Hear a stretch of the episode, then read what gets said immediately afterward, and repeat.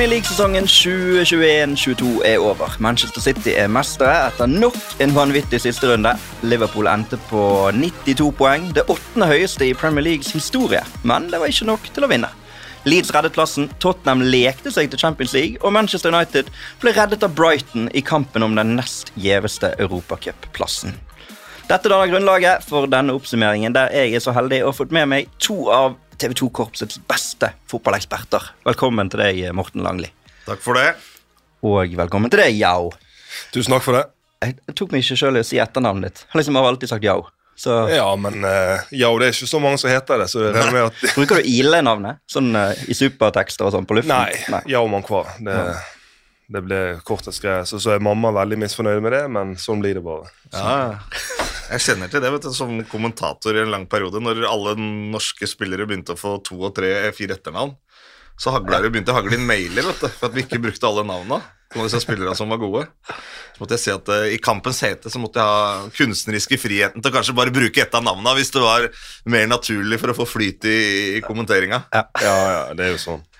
Så må det være. Uh, siste runde av Premier League er over for denne gang. Det var vanvittige greier. og Du var jo en av de som ikke var på jobb i går, Yao. Fikk Ja. du nytt dette, eller hvordan var det? Ja, jeg var jo litt med norsk fotball, men jeg hadde jo det i sidesynet, dette her sinnssykt. Altså, det er jo sånn Hollywood-skripting, nesten.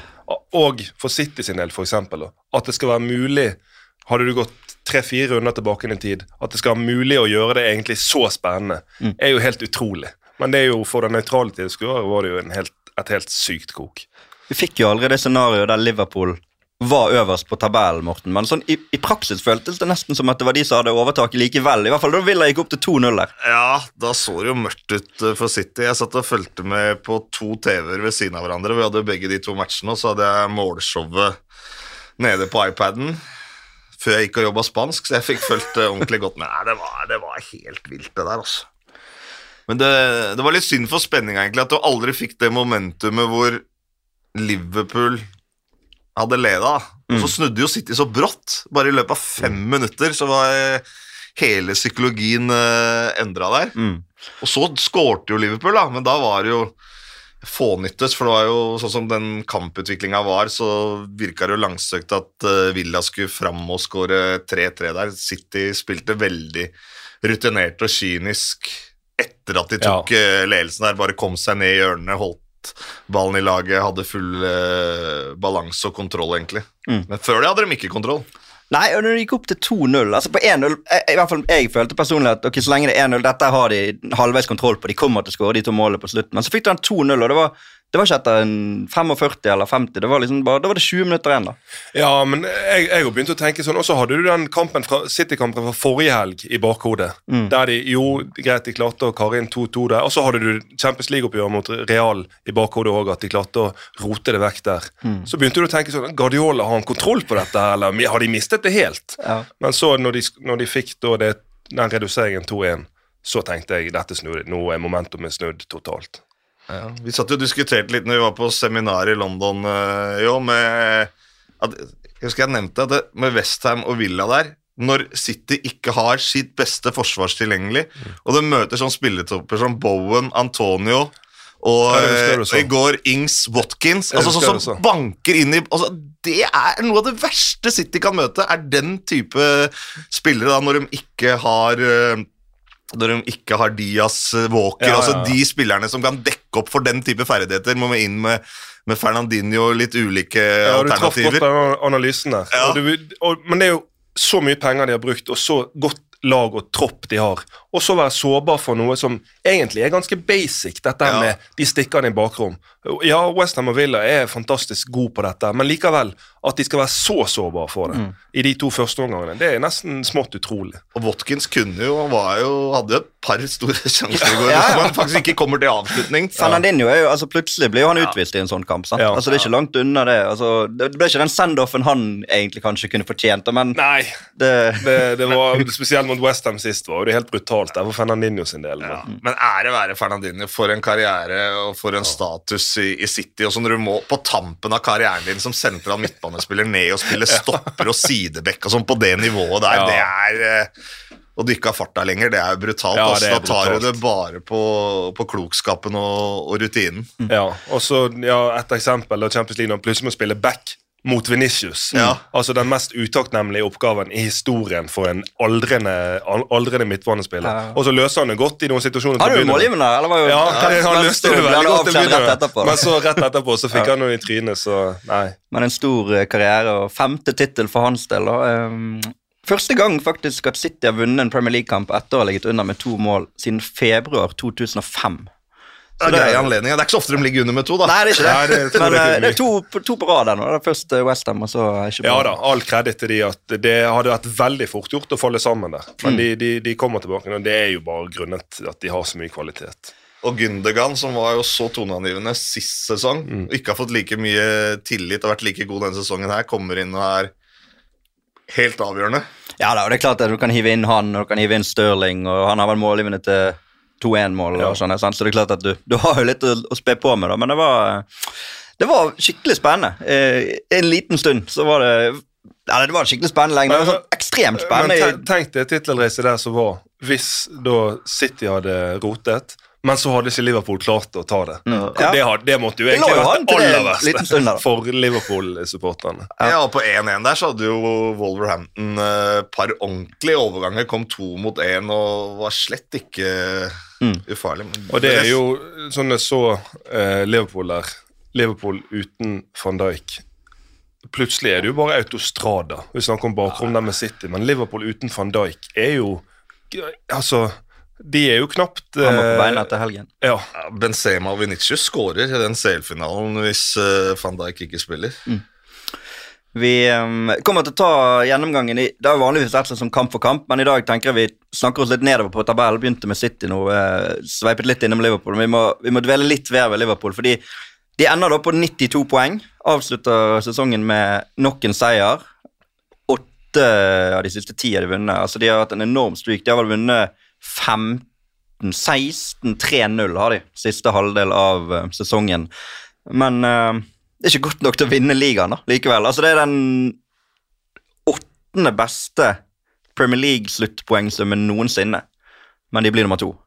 Det er enorme sesonger, men det har jo levert gang på gang nå, da. City og Liverpool. Et uh, historisk uh, rivaleri og et nivå som de to lagene har holdt uh, de siste sesongene. Følger hverandre til eh, døra, bortsett fra den litt spesielle koronasesongen mm. i fjor.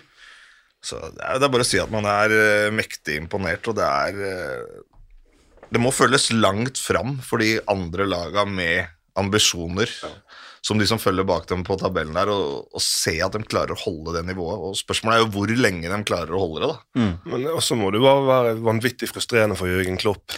Hadde ikke Guardiola vært der, i den, hadde ikke de, de to æraene her sammenfalt, hadde Jørgen Klopp fått eh, herje på uten at Guardiola og City var det de var, så hadde jo han per dags dato, tror jeg, vært regnet helt der oppe som en av Englands største managere noensinne, helt oppe på Ferguson-nivået. Mens nå står han jo fortsatt bare med én ligatittel. De har gjerne pushet hverandre til en viss grad. Og det er ikke sikkert at City hadde klart å reise nivået, kanskje Liverpool òg. Og så fantastiske matcher de to laga imellom Mm. hver eneste sesong. Ja, ja. Så bare du sitter sånn og ser på og tenker Wow, for et ellevilt tempo og nivå når de laga møtes. Mm. Det syns jeg er kult at de byr da, at det ikke bare blir en sånn taktisk batalje hvor de prøver å ta hverandre ut, men de spiller fortsatt på sine ekstreme styrker, begge laga. Fantastisk fotball, rett og slett. Så er jo, De har vunnet en FA-cup, en ligacup, skal ha Champions League-finale. Du snakker jo en av tidenes beste Liverpool-sesonger, selv for en så stor klubb, selv om ikke de vinner ligaen. Eller Ja. må man liksom vinne ligaen for å være For å kunne si at det er tidenes sesong, da? Ja. Vanskelig å vurdere, kanskje. Robbie Fowler på indrebane her mot uh, før Villa-kampen, da var jeg der, og da han mente vel at det var tidenes beste Liverpool-lag, da. Mm. De lærde strides om det, og kan du si det når de ikke vinner ligaen? Jeg veit ikke, jeg. Jeg syns det er vanskelig å rangere sånn, ja, men det er helt der oppe. Ja. er Sånn Rent faktuelt i hvert fall, så har de aldri tatt så mange poeng da, Nei, eh, Nei, i ligaen og som de har gjort. Altså, bare se på prestasjonene. Det er jo det er et helt skremmende godt fotballag. Mm. Og et av de beste lagene i verdenshistorien, vil jeg si. Mm. Så, men at det skal være mulig å være så god og ikke vinne ligaen, er jo vilt, og sier selvfølgelig mye om City og Pep. og- Ja, det er det de gjør. sant? Men uh, bare sånn for å ikke bli helt historieløse, hvis noen vil arrestere oss på det. 83-84, mange mener at det på en måte var Liverpool. Da vant de ligaen, de vant Europacupen, de vant ligacupen. Men da tok de kun 80 poeng på 42 kamper. 14 uavgjorte, 6 tap. Du kunne tillate deg litt flere poengtak gjennom en ligasesong på den tiden da, enn det du I hvert fall enn det de kan nå, akkurat nå i, i Premier League. Så eh, vanvittig uansett av Liverpool. Ubeseiret hjemme igjen. Femte gang de er ubeseiret hjemme i en Premier League-sesong. Eh, eh, Espen Solbakken, vår kollega, sa det til meg rett før jeg gikk bort her nå, at de har jo ikke tapt hjemme på Anfield i ligaen med publikum siden våren 2017. At de tapte en del kamper den uh, koronastengte sesongen. Ja, om alle skadene de hadde da. Ja, med Bruce Williams og Nat Phillips og stopper. Så det er vanvittig det Liverpool har gjort, og må jo føles bittert å ikke sitte igjen med et ligatittel Eller én ligatittel, da, men uh, samtidig Vinner de Champions League til helgen, så har de vunnet to Champions League-pokaler på de siste tre Ja. årene. Sant? Så de har det, jo det med hjemmestatistikken er jo interessant, for det er jo et lag og en klubb som klarer også å få publikum og få stadion til å bli en sånn konkurransefordel at det er helt utrolig. Altså Måten du har vært der flere ganger, Helge, du Det er altså det trykket som de klarer å skape der, spillerne sammen med supporterne, er nesten umenneskelig å stå imot, eh, føles det som, for motstanderne. Ja, det er helt, eh, helt utrolig. Så eh, det blir spennende å se om de klarer å liksom gjenskape dette år etter år. Da. For nå har jo City har vunnet ligaen fire av de siste fem, og Liverpool vant den ene av de. Og det er jo ingenting som tyder på at det skal stoppe opp. City henter jo nå Erling Braut Haaland, som skal gi de enda flere mål, sannsynligvis. Så, så kan Liverpool også liksom følge ja, Må de opp i 100 poeng, da? Ja, men det, det er jo litt konkurransesituasjonen på de laga bak, da. Hvis de blir litt grann bedre Ja. og klarer å snappe poeng fra de, de interne oppgjørene, det er jo det som kan bli direkte avgjørende. Men samtidig, disse laga, både City og Liverpool, har jo vært gode på spillerrekruttering nå. Lokalisert hvor trenger vi nye spillere, hvor trenger vi å foryngre laget sitt. Sånn som Liverpool er jo i ferd med å foryngre angrepet sitt. Jota, Luis Diaz Mm.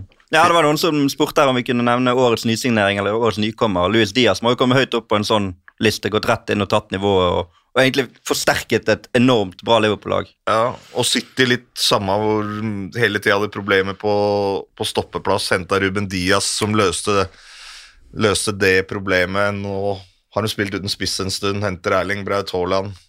Om Diaz er årets nykommer. Han spilte jo ikke hele sesongen, da kan du være med som nykommer da?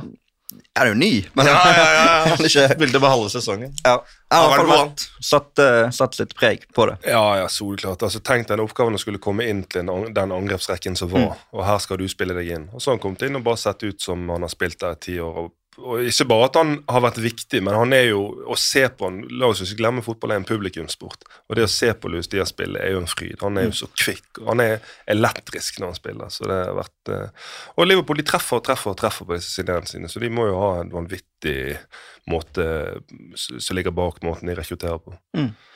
Utrolig imponerende fra City og Liverpool. Eh, vi hopper til lag nummer tre på tabellen. Da må vi jo ganske langt ned. Du nevnte forskjellen, Morten. Det er 19 Ja. poeng da, fra Chelsea eh, opp til eh, Manchester City. Chelsea som før sesongen ble nevnt som nesten litt sånn likestilt med disse. De hadde vunnet Champions League, de hadde fått inn Lukaku. Eh, var der at nå skulle de, Thomas Tuchel, kjempe om ligatittel igjen, men det ender da med altså en kontrollert tredjeplass. De er bare tre poeng foran Tottenham, men det føltes i hvert fall som en sånn, lite vakuum mellom de to øverste, men ganske langt foran resten, har det føltes som. I hvert fall for min del. Mm.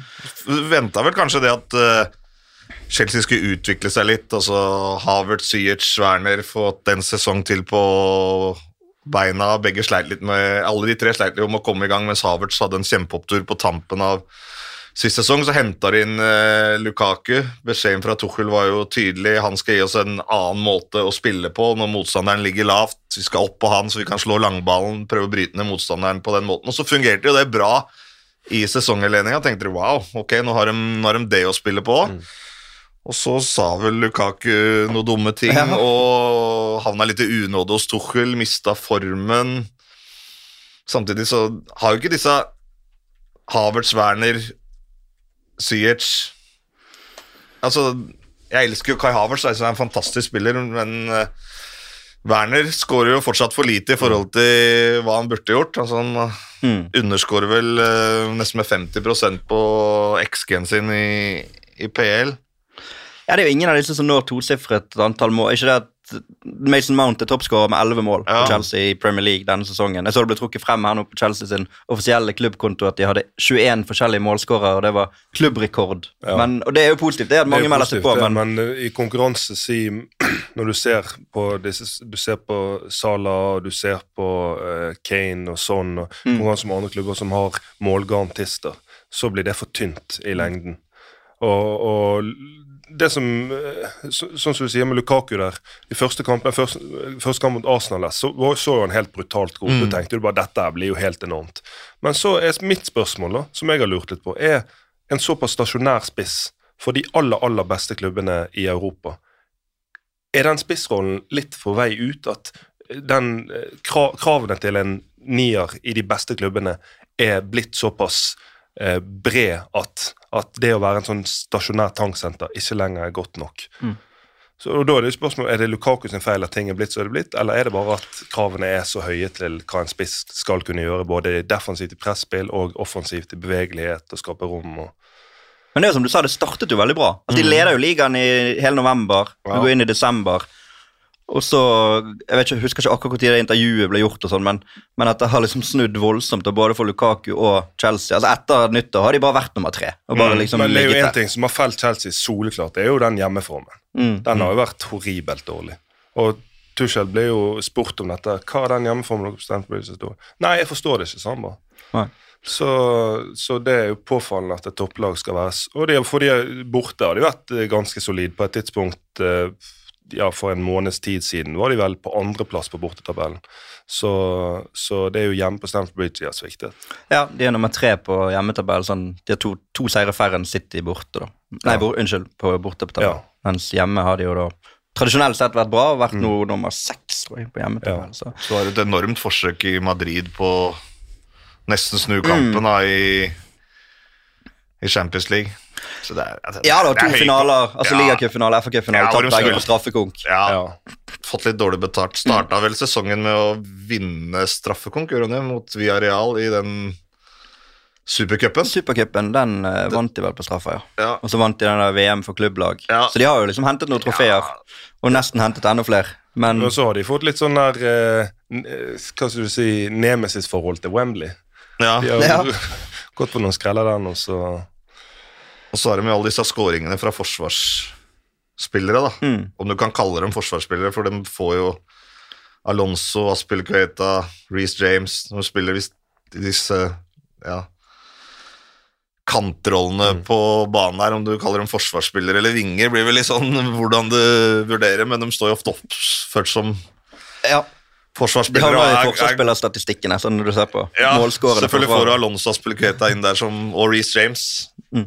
Så får du mange skåringer, og de er målfarlige òg. De kommer opp gode avsluttere og Avslutta sesongen med 2-1 mot Watford. Ross Barkley, matchvinner, siste serierunde. Han uh, er på vei bort. Ja, men det har vært lenge. Ja, Plutselig bare var han inne igjen i varmen og skåret der. Så uh, ta med en liten sånn oppda-effekt på hver klubb. Chelsea, første lag i Premier League-historien som gått gjennom en hel sesong uten å ha ligget under til pause.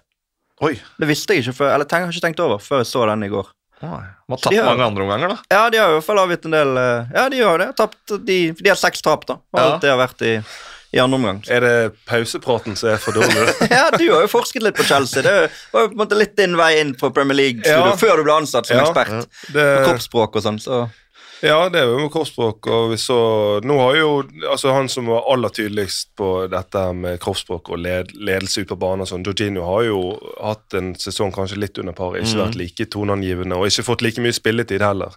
Så, så eh, Men det der fenomenet til pause at det skal være såpass eh, Selvfølgelig kreditt å aldri ligge under til pause, men eh, det er jo tydeligvis noe jeg, om det. Når jeg så på det, kan det være riktig, liksom? For det høres litt rart Men det er jo sikkert riktig. Ja. Vi stoler jo på opp da, når vi får eh, fakta av de. Så tredjeplass på Chelsea. Fjerdeplass på Tottenham. Antonio Conte kom inn etter at Nuno Espirito Santo fikk sparken 1.11. Da var Tottenham nummer åtte på tabellen etter 5-0-5 på de første ti kampene.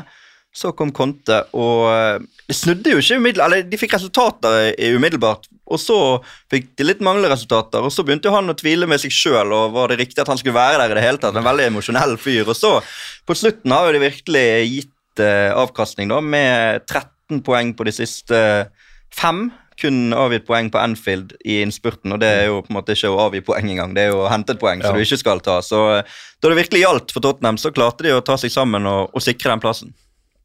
Fantastisk trener eh, Conte. Måten han går inn i lag på, organiserer dem, får dem til å spille akkurat sånn som han vil. altså Gjenkjennelsesfaktoren der med 3-4-3. Måten han bygger opp det, ser kanskje verdier i, i spillere som ikke andre ser. Litt sånn Victor Moses-variant. han tenker fotball på en spesiell måte. Henta inn forsterkninger fra Serie A som han kjente godt i Bentancourt Kuselevs- Kulusevski. Sliter litt med det navnet, han var god i går òg. Ja. Så Jeg satt oppe på tribunen og så den matchen mot Arsenal, og når du sitter og ser det fra høyt fugleperspektiv eh, på tribunen og bare kan konsentrere deg om å se hvordan ting fungerer utpå der, så det er, det er topp trenerhåndverk. Altså, det er eh, Du kan ikke ta ham på noe når det gjelder det. Nei, den jobben han har gjort, har vært helt enorm. Og, så, og han var jo tydelig på det, for de var jo sinnssykt ustabile første perioden hans.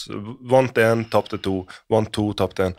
Og så sa han ja, men det, nå har vært tette kamper, jeg trenger tid på feltet med spillerne mine for å få implementert mine ideer og min stil. Og så så du det at når eh, de begynte å, det begynte å bli litt lenger mellom kampene, bedre tid på feltet, bedre tid med video, så så du jo sånn som Morten sier, mer og mer kontefotball. Og og Snakk om trenerhåndverk, men ok, vi snakker om City og Liverpool som to av de beste lagene i Premier Leagues historie, men se hva Tottenham har fått til mot de Se på den interntabellen. Se hva Mm, Tottenham ja, fått har de mot åtte poeng. Ja.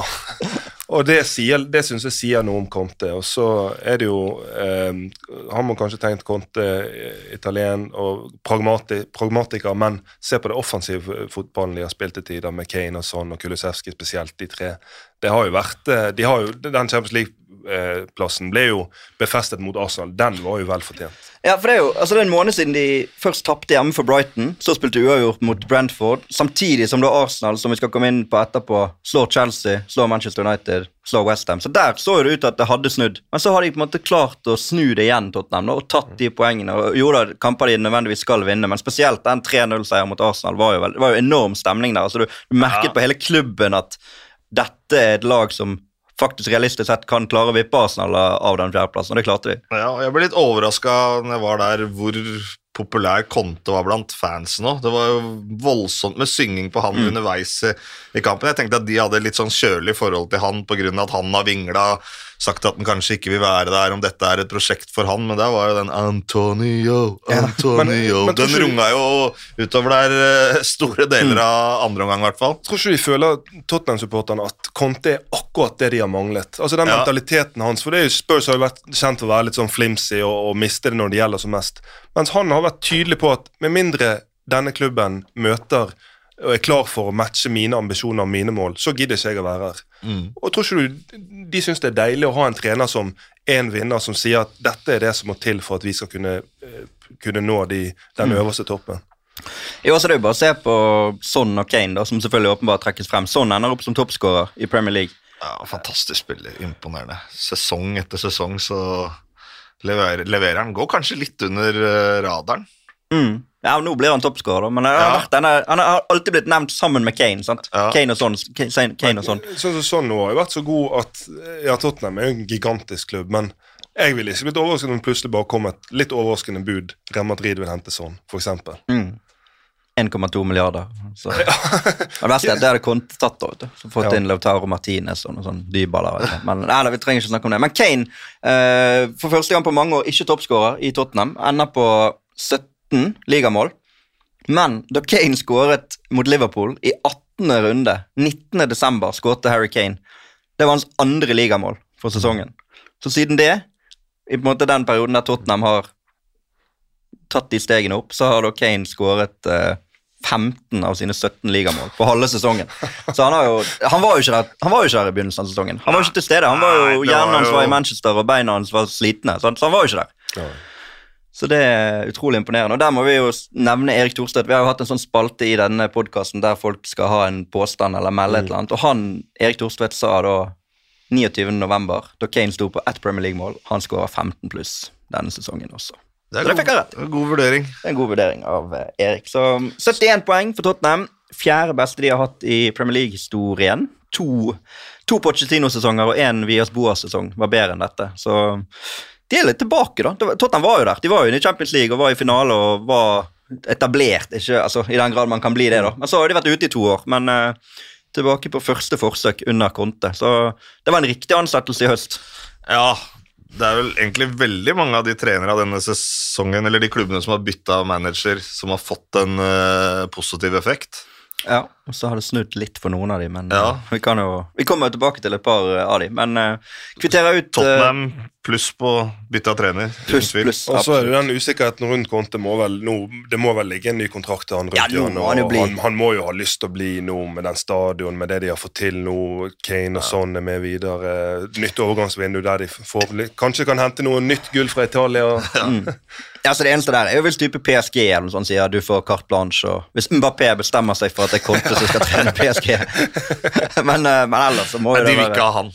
Mbappé, Neymar og Messi. Nei, det- da må du begynne å løpe. ja, Det krever for mye. Uh, 5-0 i siste kamp, da. Vi kan jo nevne det også. Det ble aldri spennende der, egentlig. For det var jo sånn at Hvis Tottenham hadde tapt for Norwich, så hadde Arsenal tatt den uh, plassen. Opptas infekt der. Conte, femte manageren som uh, klarer topp fire i Premier League-æraen med to forskjellige lag. Det er jo litt sånn quiz av det. Hvem, er de, hvem er de menneskene som eh, Klarer dere de? Sånn, eh, altså, jeg har jo de her, så Det er ikke Uff, Det er for tidlig litt- på morgenen. Du har sover sovet lite i natt. Men eh, jeg elsker jo sånne quizer, da. Mourinho, en av de, ja. Ja. Det er for Chelsea et par ganger, eller flere ganger, og for Manchester United. Og så er det jo Claudio Ranieri. Det er jo for Leicester og Chelsea. Rafa Benitez, Benitez, ja, han måtte jo være en av Guide Chelsea til uh, topp fire der. Og så er det Kenny Daglish for Blackburn, Blackburn og, og- Newcastle. Ja. Men det var jo en æra der topp fire liksom ikke var et Nei. begrep på samme måte. Men uh, en fin eh, quiz for folk der, hvis de vil ha med seg den. Uh, nummer fem, Arsenal. Avslutter med 5-1-seier mot Everton, men uh, det holder da ikke til Champions League, all den tid Tottenham gjorde jobben sjøl. Arsenal tapte fem av de siste ti kampene sine, og mistet vel med det også Champions League-plassen, som de var godt gjort å komme seg opp i den posisjonen i utgangspunktet å være der, men da de først var der, så snublet de igjen. Ja, og de skal Jeg syns Arsenal Det blir feil å, slakte de for å ikke komme på Champions League. For de, de, det er et, eh, et, en, ung tropp, en relativt tynn tropp og et ungt lag med, som har masse spennende foran seg. Men det er én ting jeg skal kritisere Arsenal for, for så er det den gamblingen de gjorde i januarvinduet. Så Direkte konkurrent Tottenham henter inn Bentancur og Kulisevskij. Arsenal gjør stort sett ingenting annet enn å kvitte seg med spillere. Og når da Tierney og, og Party spesielt eh, blir, når de blir skadet nå, så ser vi hvor sårbare de har vært. Sånn at bak nummer 12 og 13 så har det vært altfor tynt, og da på oppløpssiden så har det skortet, uh, syns jeg. Mm. Selger jo Aubameyang og erstatter ikke han. heller. Nei, erstatter ikke han. og Det der å skulle komme i topp fire med en spiss som ikke skårer i åpent spill på over et døgn i en periode, det, det er veldig vanskelig. Selvfølgelig Saka har vært enorm, Ødegaard har vært meget god, eh, Smith Rowe og Martinelli, men du, det, det har blitt litt for tynt. Men, men for all del, årene synes, fremover syns jeg ser veldig lovende ut eh, med Arteta sitt eh, opplegg. Jeg har tro på den løperekka på sikt. Da. Jeg har jo sagt det egentlig flere sesonger, og spesielt før den her, at uh, jeg satt og så Arsenal-laget live noen ganger mot City i finaler og, og sånn. Og. Når de stiller da med Øzil, Aubameyang, Lacassette og PP altså Første pressleddet ikke-eksisterende. altså Det nytter ikke lenger mot de der topplagene. Når du ser hvor mye frontspillerne løper, spesielt hjemover hos de, de beste lagene, og nå har de jo i ferd med å foryngre det angrepet. Øzil er historie, Aubameyang er borte, PP spiller ikke, og, og Lacassette synger på siste vers. Og de fire du nevnte der, det er jo framtida. Ja. Men om de kanskje trekker, trenger en en ordentlig frontmann der som kan gå inn og, og skåre mål, hvem skulle det bli? Når jeg leser jeg Gabriel Jesus er Mm. sterkt linka, da tenker jeg "Ah, Altså, Det skyter dem ikke noe nærmere City og Liverpool, tenker jeg, da. Nei, og liksom spillertype Det blir jo litt mer av det samme som de allerede har. Ja. Om, de, heller, om de trenger litt mer fysikk og litt trøkk på den, i den nierrollen eh, til å komplementere de, de teknikerne som er i rekken bak. Mm. Kanskje. Det blir veldig spennende å se, men eh, eh, Og så føler jeg at med de, den unge rekken, eh, så er de kanskje litt tidlig eh, Eller i en litt tidligere fase enn Tottenham, som har mer etablerte navn. Sånn at, at Tottenham nå er Champions League-klar, og ikke Arsenal. Det tror jeg er ganske naturlig. Så må de få resultater mot topplagene snart, da. Men det Ja. forsøket de hadde mot Manchester City Mm. den sesongen her, det var meget bra. Hvis du tenker sånn prestasjonsmessig i den kampen, så kunne de fort slått Manchester City der, men det må jo opp der, og så må du ikke gå på de der eh, minene mot de laga under deg på tabellen, som også har en tendens til å gjøre, og da blir jo resultatet at de havner ja, omtrent der de havner, såpass mange poeng bak eh, der de ønsker å være. Ja, de hadde jo de tre Palace, Brightons og 15 som de taper på rad der, som egentlig ødelegger. Selv om de da slår tilbake mot slå Chelsea United West Altså, de, de tapte de de skulle vinne, og så vant de de de skulle tape. Ja, perioden, og at de tapte, men den rekken der med de tre kampene Det er greit at de tapte, men de var, de var helt sinnssykt dårlige. Mot Palace, nesten Ja. utmuskla energimessig. Du tenker, Er dette et lag som spiller om eh, Champions League, eller er det smågutter på tur og møter ja. et sterkere mannskap? Så det var sånn Så den, og den Palace-kampen kom jo rett etter en landslagspause, så Ja. det ble jo litt sånn den landslagspausen kanskje brøt opp en veldig De var inne i en veldig god steam, god rytme, og så kom den så kom de tilbake derfra og var helt horrible, og, og Party var elendig før han ble skadet eh, etter det, og så har det stokket seg litt. Og så er det jo litt sånn både sett med norske øyne i forhold til Ødegaard, men generelt òg i forhold til de unge spillerne og den angrepsrekken, så hadde jo de hatt Det hadde jo vært fint med Champions League for å få den matchingen. For, for en eksempel for en Marte Ødegaard å mm. få matchet seg på det høyeste, aller høyeste nivået i Champions League. Sånn at det er jo noe som vil være viktig for deres utvikling. Ja, og det er jo ikke sikt, gitt, eh, selv om progresjonen har vært bra, og du, du kan si det er ikke dårlig å ikke havne i Champions League, men det blir ikke lettere å komme til Champions League neste sesong, sannsynligvis. Altså, de, da skal Manchester United heve seg igjen, og de andre der kommer jo til å være der. Conte kommer jo til å ha ambisjoner om å bli enda bedre med Tottenham, så det blir, blir tøft, ja. Men uh, Ødegaard, vi må jo så vidt innom han nå, da. Eh, blitt kaptein i løpet av sesongen. Det er jo ikke permanent kaptein foreløpig, men det skal jo utnevnes en ny. Kan jo hende han blir det. Han ligger jo godt an. ja, herlig utvikling. Spiller med selvtillit. Slår pasninger gjennom ledd nå til medspillere. Går mer rett på mål. Skårer. Har assist. Ja, det, er- det er herlig å, å se utviklinga. Jeg visste det kom til å skje. Jeg har ikke vært utålmodig. Mange som har vært det, men eh, ja, det trenger litt tid. Så det er glede i hjertet mitt. Og så tar han med det spillet inn i landskamper også. Det er eh, herlig sesong for eh, Martin Ødegaard. Men akkurat i det området fra 25 meter inn til 16 meter, når han har ballen i beina der, så er han jo en av Europas farligste spillere i forhold til det å tre gjennom finne åpninger. Det er helt ekstremt. Akkurat i den fasen der så er han så ufattelig god. At, at Arsenal med en skikkelig, altså en sylskarp spiss, så vil, må jo naturligvis gjøre Ødegaard enda bedre, enda farligere. enda Han har bedre bedre spiss, han bedre spiss på landslaget enn han har på klubblaget. Ja. fore i de Ja, det- eh, Kanskje. Arsenal skal prøve å kaste seg på Darwin Núñez. Kjøre det òg. Ja. Tror jeg Benfica har gått kort på for det. Overalt så leser jeg at folk vil, vil ha spiss nå. og Sånn som posisjoneringa har blitt, så han ekstremt hot på markedet. Mm. Han vil kanskje spille Champions League.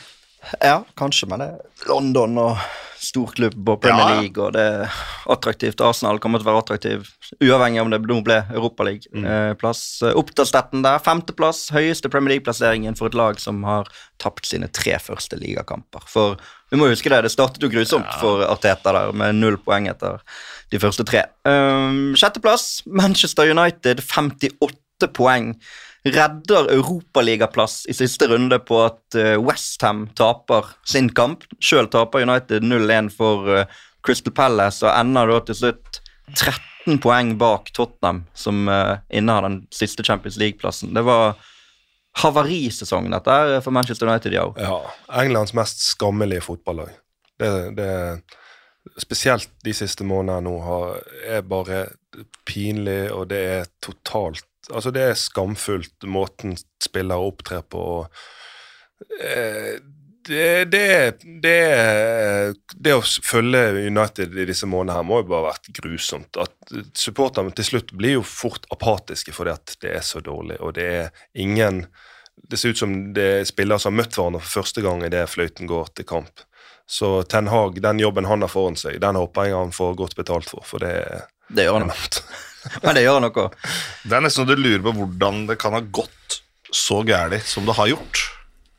Mm. Så hvilke mekanismer som er i sving da, inni garderoben og i, i spillergruppa, og lekkasjer hit og dit og Hva er Ja, altså det United-laget anno våren 2022, det kan være sånn case-studie i drit. Eh, Både hva angår klubbdrift, lagbygging, Ja. intern kultur. Ja. Og det kommer til å bli den der diskusjonen som det egentlig ikke er noe fasitsvar på, da, om det var idiotisk å hente Cristiano Ronaldo tilbake. Så sier folk ja, men det er han som har levert, han som har skåret de, de viktige måla, men hva gjør en sånn person med stemninga i garderoben, med mediefokuset, med alt sånne ting? Helt ufrivillig så er jeg blitt sittende og se litt på den der dokumentaren med kona hans på Netflix, for dama ble det og jeg, Nei, jeg, jeg veit ikke hva jeg skal si om han, jeg, altså. Det er Nei, Han ender jo da på 18 ligamål. Uh, som nevnt, hva betyr egentlig det? Um, Ja. Solskjær får sparken 21.11., da er United nummer 7 på tabellen. Og så er det Carrick et par en ukes tid eller noe sånt, drøyt et par uker. Og så kommer Ralf Ragnhild da, som midlertidig sjef fra 3.12. Og siden det så vanskelig å på en måte konkludere med at det var feil, da, men de, de har i hvert fall ikke sportslig blitt noe bedre. Altså, og de lekkasjene som kommer fra garderoben, og hele stemningen det er vanskelig å vurdere. Altså, tror jeg de har bevist at det å ha en interim manager i så lang tid er jo helt håpløst. Mm. Altså, spillere, hvordan skal de kunne Altså, lojaliteten overfor en trener du vet ikke er der til neste år, det blir jo en helt merkelig dynamikk. Så det der var et bomskudd. Og, og Ragnhild er vel først og fremst kjent som en klubbbygger. Eh, som trener, ikke nødvendigvis at han er god nok til å være trener for United, men som klubbbygger, som han egentlig ble hentet til. Nå får vi se hva det blir til av den rollen, men det prosjektet, altså det, den signeringen av Ragnhild har jo vist seg å Mm. være et bomskudd. Defensivt så har de da 57 baklengsmål. De ender opp med null i målforskjell. Altså 57-57. Eh, Og keeperen har ikke vært dårlig. nei, de har vært blant de bedre. Han gikk vel hardt ut i går og var kritisk til og med til egen TV-kanal der, Manchester United eh, TV. Og krevde forandringer i, i spillertroppen, og det kommer det jo til å bli. Første gang siden 1990 at ikke de har positiv målforskjell i en uh, Ja, det- ligasesong. Det sier jo seg sjøl. Det, som jeg, det som jeg har hyllet med Ragnhild, er jo den ærligheten hans. Mm. Og Han sier at det som må til her nå, det er eh, open heart surgery. Uh, og det virker som klubben er innstilt på at de snakker om ti nye signeringer, masse utskiftning, Den Hage inn med et helt nytt team, og han er på jobb fra, fra i dag, kanskje.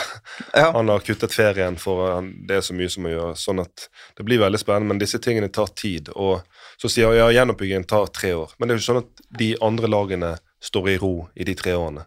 Sånn at hvor lang tid det tar for United kan være med i en tittelkamp, det tør ikke jeg å spå. Men satt du og så kampene da, tidlig på sesongen, så var det jo ikke noe bombe. Mot Leeds så var de strålende, men måten de kom i gang på og spilte der Husker jeg satt i Premier League, som du sa altså, De er på nivå med Wolverhampton, Westham, Leicester. Ja. Altså, det, det, er, det er det nivået de er på. Og så på sluttabellen så tok jeg ikke så veldig mye feil akkurat der. Og når de fikk noen resultater før Solskjær fikk sparken her, så var det jo ofte enormt flaks med i bildet. Husker du den Wolverhampton-kampen? Husker du den? Den de vant 1-0.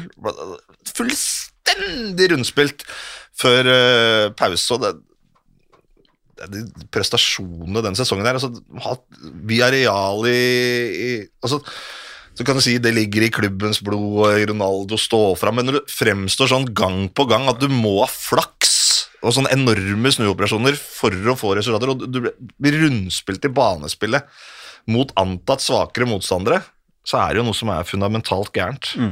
Og så ble det sagt at da Solskjær fikk sparken, ja, han overlater i hvert fall klubben på et bedre sted enn han var da han kom inn. Men gitt det som har skjedd etterpå, og den moralen som har vært vist, er det en påstand som går an å stille seg fullstendig bak per mai 2022? Nei, Den visjonen til Solskjær og det, det, den planen til Solskjær følte jeg ble litt torpedert kanskje av Ronaldo sin egen. For da kommer det litt av Solskjær sin greie. Virket jo som om det var tilbake til røttene, en viss ydmykhet i forhold til hvor vi er og, og ja. Men så når Ronaldo, Ronaldo kommer inn, virker det som det ble en type klins der, og Solskjær mistet det taket på tingene etter han eh, kom inn. Og så er det jo har vært tydelig flere at spillerne har jo for stor makt, og de har tett kontakt med media, så disse lekkasjene og Det er jo null, null harmoni der. Men jeg er jo ikke med på at spillerstallen er så dårlig. da. Jeg hadde jo en analyse på det i Premier League-studio for en måneds tid siden vel, og, og sett på hva disse gutta faktisk presterer når de spiller på landslagene sine. Og da er det jo ikke noe dårlig det er ikke noe dårlig spillertrapp. Det er spillere som stort sett er sentrale på noen av Europas og verdens beste landslag. Og så- kan jo forklare prestasjonene for eksempel, til Paul Pogba på det franske landslaget kontra hva han har prestert for eh, Manchester United. Og sånn er det flere eh, eksempler på. Spillerstallen er ikke så dårlig som det spillet og resultatene tilsier. Og der synes jeg Det er litt sånn at det, masse av fansen som er forbanna på eiere osv. Ikke greit, men de har jo rekruttert og henta masse prestisjesigneringer, flere av dem i rein konkurranse med Manchester City, men det er vel sånn gjennomgående trend over mange sesonger at spillere prestisjesigneringer som kommer til Manchester United, de lykkes ikke. Bruno slo jo til eh, direkte og fikk en eh, omveltning eller en klar progress da i det offensive spillet. Men ellers er det jo veldig mange som har underprestert der, og så slår de til enten i andre klubber eller er gode når de spiller på sine respektive landslag. Jesse Lingard er jo et, et fantastisk eksempel i, i så måte. Altså, han så ut som en blanding av Maradona og Messi når han spilte for Westham eh, siste del av sesongen i fjor. I år er ingen som har sett den ute på banen for uh, Men det er jo et sånn klassisk sykdom, sykdomstegn på, Ja. på et lag og en klubb som ikke fungerer. At, at uh, masse gode spillere underpresterer med en gang de kommer inn, inn der, og så med en gang de blir sluppet fri på landslag eller i ny klubb, så er de tilbake igjen til sitt vante høye nivå. Så det, det, det verste som fins for en spiller, er jo å komme inn i et kollektiv som overhodet ikke fungerer, en klubb som er råtten. Det er veldig vanskelig for enkeltspillere. Ja, og du, du, du kan jo ikke unngå å tenke tanken. altså Jaden Sancho i City eller Liverpool. Ja, Åssen hadde dere sett ut den Bruno i City. ja, Åssen hadde dere sett ut for de spillere av den uh, sesongen her? Altså, Sancho selvfølgelig, det kunne blitt som, som Grealish i, i City og ikke slått til, eller kunne vært som Luis Diaz i, i Liverpool, hadde vært der fra sesongstart, stått med 12 skåringer, 18 assist eller et eller annet Ja, På, ja. på kanten hos uh, Liverpool. Mens Og det som du sier der, er jo da blir spørsmålet før et overgangsvindu eh, uten Champions League i tillegg. Hvem er det som har lyst til å Ja. signere for United? Og da, når den lysten kanskje ikke helt, er helt er der hos de beste spillerne, de mest attraktive spillerne, så betyr det at de må sprenge banken for å tvinge de til eh, Manchester. Men er jo ikke litt der at Manchester United som merkevare er et prosjekt som gjør at Og Ten Hag Det er jo snakk om Frenkie de Jong, for eksempel, ja. som er klassespiller på øverste nivå. Men, eh, og de har hentet Pogba. Men blir han det etter han kommer til United? Nei, det er ikke sikkert. Men Hele sånn verden vil ha Danny van de Beek òg. Ja. ja, han er vel tilbake der òg nå, da. Ja, Så, kanskje han blir god under eh, mm. Ajax-trener. Folk trodde jo at Varan skulle redde hele forsvaret, og, men Nei, det har han ikke gjort. Han synes jeg faktisk har vært bra når Ja, han har vært, han når han har vært vært skadefri. Du ser at det er, Ja det er klassestopper. Forsvaret ser bedre ut Ja, når han spiller. Men igjen så er det det der med Og ofte syns jeg United betaler dyrt for spillere som har peaket. Ja. Der Liverpool henter spillere som er i ferd med å peake, syns jeg United gjerne har i løpet av de siste ti årene signert spillere som kanskje allerede har. Alexis Sanchez. Vi var jo inne på det, vi snakket om Tottenham, der Conte som kom inn og stilte krav umiddelbart, gjorde sine grep og fikk resultater. Det var jo rykter om at Conte kanskje skulle ta over for Solskjær, sånn sett i etter, etterpåklokskapen, som er selvfølgelig lett å se på med de brillene, men eh, det hadde vel kanskje sett annerledes ut om han hadde kommet til Old Trafford i høst. Han hadde tatt mer poeng enn Ragnhild, tror jeg. Ja. Men, Spent på hva eh, Conte hadde gjort med Cristiano Ronaldo. Men også tror jeg det òg er noen kanskje litt andre mekanismer i United, sånn som uh, van Gaal sier lykke til til de som skal være trener, for det er en kommersiell klubb, ikke en fotballklubb. Mm. Så i hvert fall en klubb som uh, interesserer folk. Og uh, vi har vært innom en del av disse tallene. Seks poeng færre denne sesongen enn de hadde under David Moyes sin sesong. Men Eh, kommer de tilbake der oppe, eller, eller skal de være nedi der hvor de er nå, en sånn 20-årsperiode? Altså, det, det er ikke helt utenkelig. Jeg, jeg, er helt, med- jeg er helt med på den. altså. Hæ? Jeg er helt med på den. Ja, altså. Det er ikke utenkelig det i det hele tatt. Det er ikke sånn at du automatisk får utdelt et, eh, topp tre-pass fordi at du har et stort navn eller du har en stor merkevare. Nei, og det er jo nå da ni år siden de vant ligaen. Den ene sesongen de på en måte har vært i, i nærheten Eller de var jo ikke i nærheten da heller, for City var så gode, men det var jo med Mourinho da de ble nummer to og tok 81 poeng. De var jo langt bak City, men de var i hvert fall der oppe. Og Ja, de altså vant- under Solskjær i koronasesongen. Ja, de ble jo nummer to, men Da de tok de til 74 poeng. Ja. Det er det samme som Chelsea nå får med Ja. 20 poengs margin. Men altså, det er jo akkurat samme som du sier. Hege. Ok, eh, Tottenham Conte er ikke fornøyd med noe mindre enn eh, det de har fått. Eh, Liverpool og City har vi snakket om. Hvor skal den veien stoppe nå med Haaland til City? Newcastle er vel ikke akkurat uh, fattig eller har sett Neida. veldig spennende ut nå etter Eddie Howe kom inn. Og Arsenal under Arteta. Sånn at det er ikke bare bare dette for United. altså. Ja. Klarer Chelsea da opprettholde sin posisjon med, Ja, med ny eier og ikke Abramovic? Det, er jo litt, det kan jo være en X-faktor eh, de neste sesongene. Ja da, så det er klart at 20 år er jo et langt perspektiv. Men det klart, Ja, jeg sa det litt på ja, jeg skjønner da, men det var ingen som kunne se det om Liverpool. Nei, sant? Det skulle men gå nå, 30 år. hvis du, den tabellen er riktig, så er det snart 10, da. Ja, det er snart 10. Ja. Ja, det er jo siden de vant. Ja. Og nå snakker vi jo egentlig bare om å komme seg inn i Champions League. og da snakker vi at uh, det har vært Europaliga og sånn uh, flere av de sesongene der, og ikke Champions League. Mm. Ja, det blir uh, spennende å se hvilken vei det går for Manchester United. Garantert uh, noe mange bryr seg om. Uh, siste laget som da skal til Europa, er Westham, som blir nummer syv. Kunne blitt nummer seks hadde de slått Brighton på sesongens siste dag. Ledet på et tidspunkt der 1-0 og hadde overtaket, men ender på syvendeplass. og da ble det Conference League på Westham, som også var i semifinale i Europaligaen denne sesongen. Og David Moyes har virkelig slått tilbake. Ja, det har vært en sånn uh, David Moyes, det det trenergjerningen han har gjort, det har vært fantastisk. Nå, forrige lag vi snakket om var United, og nå Westham, og da Moyes. Han, har jo, altså han er jo sannsynligvis en av Englands mest latterliggjorte managere. Mm. Eh, det er mye basert på den perioden i United, men den jobben han har gjort Han viser jo at han er en fantastisk dyktig trener. Den jobben han har gjort med Westham, har vært eh, ekstremt imponerende. Og bunnsolid Everton, mange sesonger eh, Altså, hadde, ikke før han, det. Hadde ikke han hatt den dårlige sesongen i Manchester United, så hadde han sikkert blitt nevnt som en kandidat til jobben i Manchester United nå. Ja, ja, altså Basert på det han har gjort før. Det var det Spania en periode der som ikke var noe Ja, suksess. gjorde, og Sunderland rykket han også ned Ja. så han hadde jo en, en dupp, og kom jo inn og ble latterliggjort igjen når han sa at han var en vinner når han tok over Westham for andre gang, men uh, har virkelig gjort det bra og motbevist alt av uh, kritikere, og skal til Europa igjen. Conference League, så jeg får meg en turnering Westham fort kan vinne. Ja, Altså, det- definitivt. Du så de nå i Europaligaen. Det var ikke langt unna der. Nei. Sånn at uh, det, det tror jeg kan være en veldig godt innspill, det at de tar den neste år. var innom de offensive kreftene der tidligere. Jared Bowen er jo en som har blitt nevnt i sånn sesongens spillerdiskusjoner. Han vinner jo ikke de, men han, han er i hvert fall der oppe at folk snakker om han da. Og det sier jo litt om hva steg han har tatt siden han Ja. kom fra Hull. Kan bli komme bud på han og Declan Rice, vel, Mm. fra de klubbene foran på tabellen. Litt sånn interessant rekrutteringspolitikk òg. de liksom finner to spillere fra Tsjekkia som Mm. går inn og er, er gode, både Sjofal og, og, og Sosjek, så eh, Kult lag, eh, Westham. Begynte å få herlig stemning på Ja, for, Nye liksom stadion hjemmebane igjen, da. Det har blitt hjemme, blir en ordentlig hjemmebane igjen, og fansen fantastisk ute i Europa på turer. De koser seg ordentlig på den uh, Europaliga-kampanjen sin, så Nei, Westham blir det å regne med. Satt du her før sesongen og Trevor Morley sa jo at det hadde nesten vært en fordel for Westham at det ikke var publikum. sant? For det var så hostile stemning i utgangspunktet på London Stadium. altså det året Kontra med... Upton Park. ja. Ja, altså etter, etter, etter de kom til London Stadium, Mm. så var det jo helt dødt og elendig. Men så kom den koronaen som gjorde at det var elendig alle steder. Men for Westham sin del var det nesten bra, for du Ja. slapp de der eh, dårlige stemningkampene. Men de har Men tror jeg, sånn som Morten er inne på, at det der med å komme langt i Europa, i Europa League, det gjør noe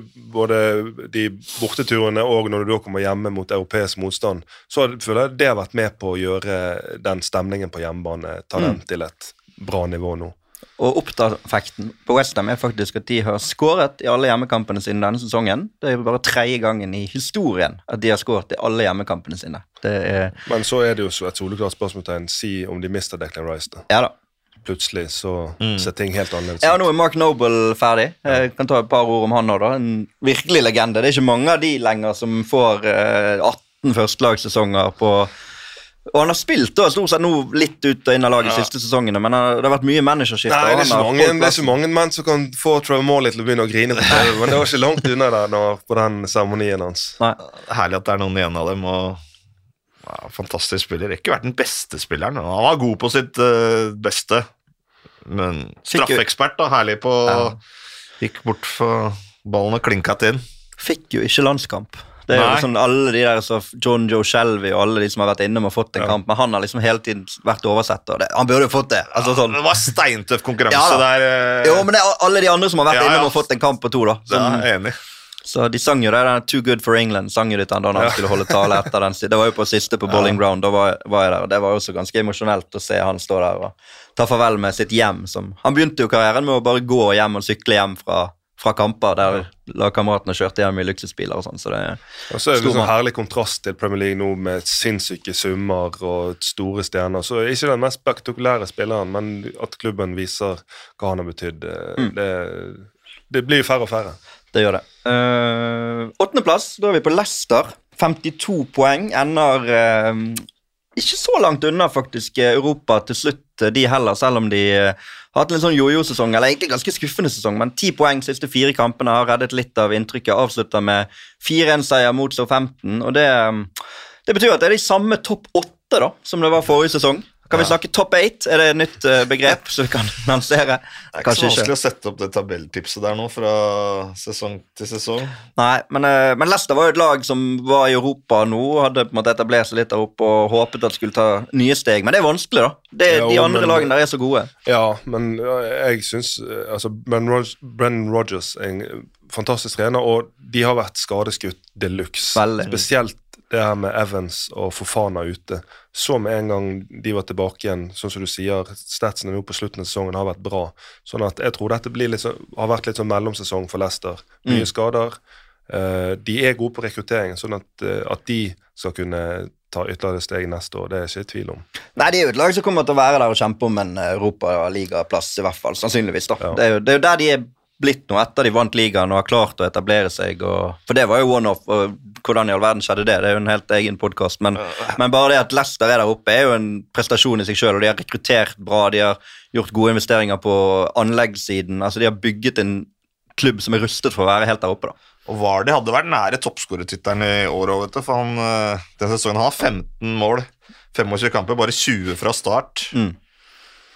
Han er så, han er så slu, vet du. Han vet akkurat hva han skal gjøre. Se Spiller det går. Og, spiller på styrkene sine. Alle veit hva han er god på, men Ja. han har ekstremt god timing. Han har toppfarta fortsatt, han har rykket.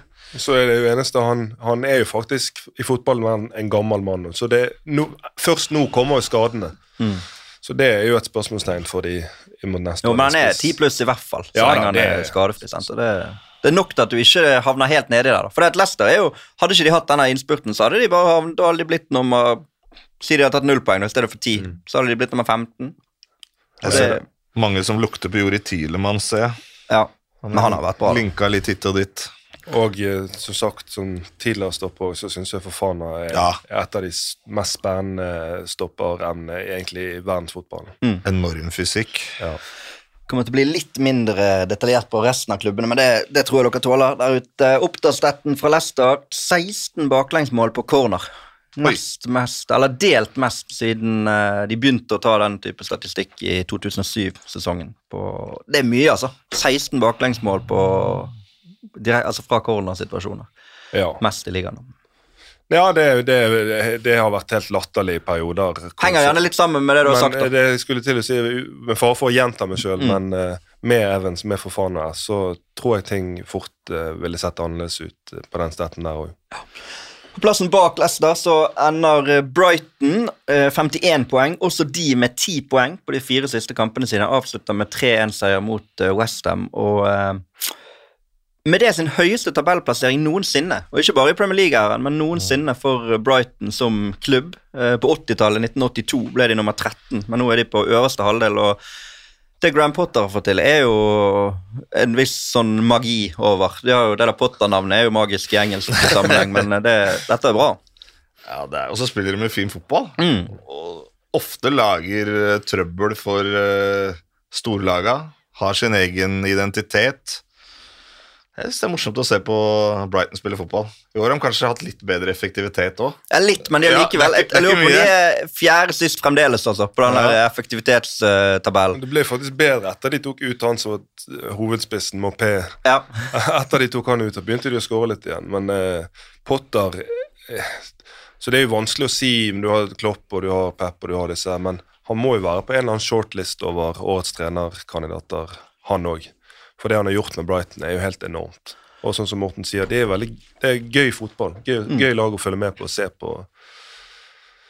Ja, ja altså de, og de, de vinner på Emirates, de vinner på Tottenham Hotspur Stadium, de banker Manchester United. Nå, og dette er jo bare de siste ukene. Eh, de går jo en hel måned fra februar til mars uten å ta et eneste poeng. Seks strake tap. Ja, og så Og mister da var, de de, da var de ferdige. Sant? Da sa Ja. man ok, den sesongen forsvinner ut. Hadde ikke de gjort det, hadde jo de vært i Europa. Og så mister de en Dan Burn til Newcastle i januar, og så plutselig er det inn med Kukureya som eh, stopper, og han har jo sett helt enorm ut. Og nå linket til City og til flere andre klubber. Så nei, Potter han, eh, han kan få mye ut av De, de havner fem poeng bak europaplass, inkludert da den måneden uten et eneste poeng. Si at de bare tar to seire der, da. Så er de der. Så er de der. Det jeg syns er litt fascinerende da, med min bakgrunn fra bettingverden, er jo eiere til Brighton og, og Brentford. Mm.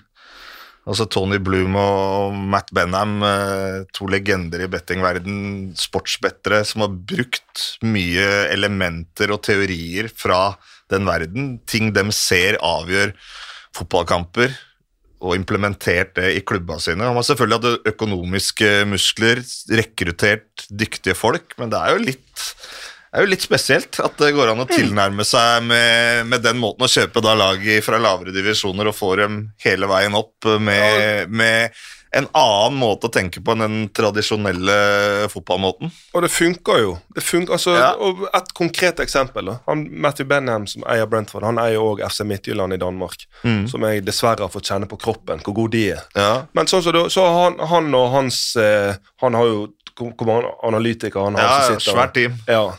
Så har de funnet ut at spisser skårer veldig sjelden etter jeg vet ikke om det er si 70 minutter. Da. Sånn Hvis du har to spisser, så bør du uansett Og at de spissene, angrepsspillere som kommer inn fra benken, de skårer mye. Sånn at Midtjylland de har bare fått direktiv om å konsekvent bytte ut ene spissen etter 65 eller 70 eller hva det er. Og det, gjør, det har de fått direktiv av eieren. Sånn skal vi gjøre det. Og det funker.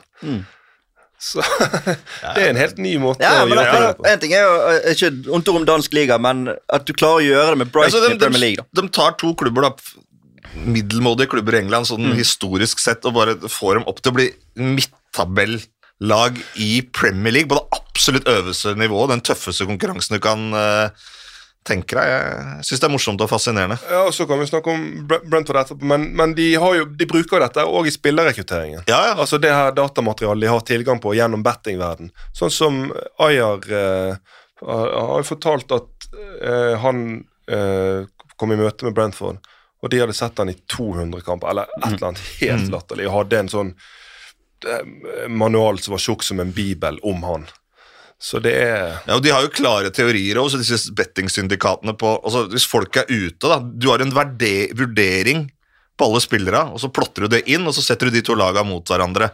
Og så får du jo da Og så er det selvfølgelig all, mange andre ting som er med i beregninga òg, men altså for, for eksempel at to nøkkelgubber da, som er nøkkelmenn i forhold til deres statistikker, som kanskje ikke folk tenker på, er ute, så kan jeg få en faktor på at du, du spiller det andre laget. Så det er, det tallmaterialet der, det er, eksempel det er det er en annen måte å, tenke fotball på. Og så får de selvfølgelig krydra det med da, tradisjonell fotballkunnskap, gode trenere som er flinke på feltet, og, og miksen med alle disse tinga her sammen gjør at vi ser eh, to lag som overrasker fotballverden. Men øh, om du da, Morten, treffer enormt på din betting og blir, og blir en sånn bettingmilliardær i norsk målestokk, får vi se deg kjøpe en av Oslo-klubbene og ta de ut i Europa? Nei, det kunne vært en drøm, det, å styrt en klubb. Prøvd på det, men uh, Ja, men. Brighton er jo, det er jo Skeide. Eller det er jo kanskje ennå altså, Det er Hasseløren, kanskje. Ja, jeg, jeg tror jeg skal konsentrere meg om jobben i TV 2 jeg, nå de, de neste åra, men uh, Ta ting tanken har slått meg. Ja. Nei, det, du hørte Men det er å få inn den type datadreven og, og ja, kan si bettingdrevet eh, måte å se tingene på, tror jeg det er mange klubber som kunne vært veldig godt tjent med. Det har i hvert fall funket for eh, Brighton. Niendeplass, som sagt, høyeste ligaplassering noensinne for eh, Brighton and Hove Albion Football Club. Wolverhampton blir nummer ti med 51 poeng. De også dårligere målforskjell enn Brighton. eh, avslutter Gjorde det jo spennende på Anfield, men taper til slutt 1-3. Kun to poeng på de siste syv kampene. Ja, og det, det gjør jo at ikke de skal til Europa, for de var jo Altså, det er ikke lenge siden man snakket kanskje at de kunne pushe helt opp på Champions League-plass. De var jo ikke langt under Tottenham som ender der. Nei, de var De ikke var det. foran det de, var en periode, både januar-februar, der det virkelig svingte av de, og de spilte fantastisk god fotball. og ja, Det er jo en sånn eh, portugisisk bastion, eh, Wolves, eh, som eh, og som har eh, Syns jeg er kult med det laget at de har spiller med veldig sånn komplementære ferdigheter. og men nå på slutten har det vel Jeg vet ikke Jimenez har vel gått rimelig kald. Ja, han Enormt måltørke, da. Hele sesongen, egentlig. Han har seks skåringer, han. Ja. Det er toppskåreren. Og da blir det vanskelig å konkurrere helt der oppe. Men uh, de har vel prestert brukbart ut ifra forutsetningene. Ja, jo da, topp eh, altså Øverste halve tabell tabellen, eh, Bruno Lars inn som fersk trener. Men det så jo veldig bra ut lenge. sant? Ja, det altså, de, det. de var dønn solid bak, og så skårte de de målet. Men uh, Oppdal-statistikken her sier jo alt at de uh, tredje lag i Premier Leagues historie som havner på øverste halvdel med så få som 38 mål. 38 mål er li Altså, det er ett mål i snitt. snitt. Det, er, Det det er nøyaktig ett mål i snitt, og det, det er bra gjort å bli, komme på øvre halvdel, Ja, selvfølgelig, er men, eh, men det, det, det er jo det som inn gjør at 43 òg, da. ja. Under 2,5 mål i Wolverhampton sine kamper. Ja, det har ikke Vi tar med oss det til neste sesong. det har ikke vært ja. Se om det blir noen forandring. Altså Det er jo bare City, Liverpool, Chelsea og Tottenham, topp fire-lagene, som har færre baklengsmål enn de. Men så er det jo også da bare Norwich, Burnley, Watford som har færre skåringer Ja. enn de. Så da blir det omtrent midt på tabellen. da. Så kan du si ok, er du fornøyd med det? Ja, Hadde jeg det er vært det i en- utgangspunktet, før sesongstart? En, ten, en solid tenning fire-sesong for deres del. Mm. Men det så så bra ut liksom en stund, eller lenge. Så Ja. det. Men, men så er det mot Liverpool, da. De, de har jo trusler. altså det, De har jo vanvittig han Neto er jo kjempebra på topp Wang der. skapte en del mm. problemer der i perioder av kampen. Så, Det er bare for han superagenten Mendes å finne en spiss, da. Ja, det er jo Ronaldo, det. Hadde det Han til Wolves.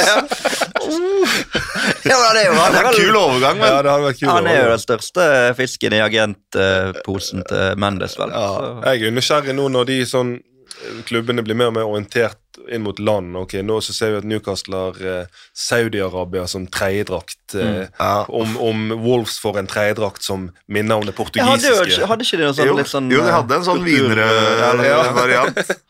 Ja, ja.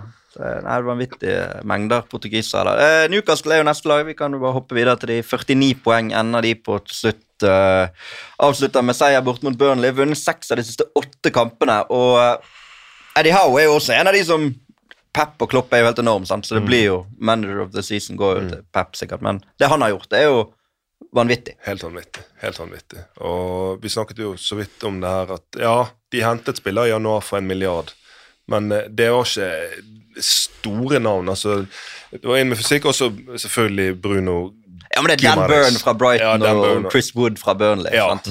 Så, så Trippier er bra. Ja, Trippier selvfølgelig er bra. Men eh, eh, det, jeg, jeg syns jo Newcastle kanskje er det mest eh, sånn største spørsmålstegnet, mest spennende, hva de gjør i sommer. Hvordan vil, De har sinnssyke ressurser. Så kan man si hva man vil om hvor de kommer fra, men hva, hva med Eddie Howe? Fortsetter de den utviklingen de har hatt med Howe, og, så sammen med det budsjettet de kommer til å ha i sommer, Mm. så Det, to, snakke det tok litt tid før det virkelig tok av under de har, men siste halv, altså deler tabell i to, da, Mm. siste 19, siste halvdel av tabellen, så er de nummer tre. Da er det bare Liverpool og, og City som er bedre enn de. Ja, I poeng, da. Enormt.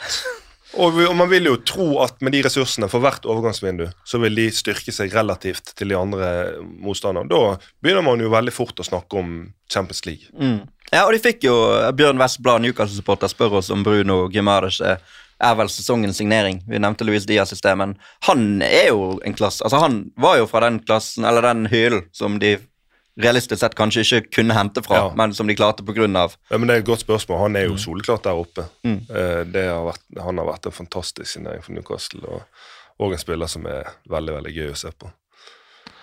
Ja, det er klasse med Bruno. Jeg hører de uttaler navnet hans med sånn portugisisk brasseslang, noen av disse ja, kommentatorene våre. det. Ja, de som kan det.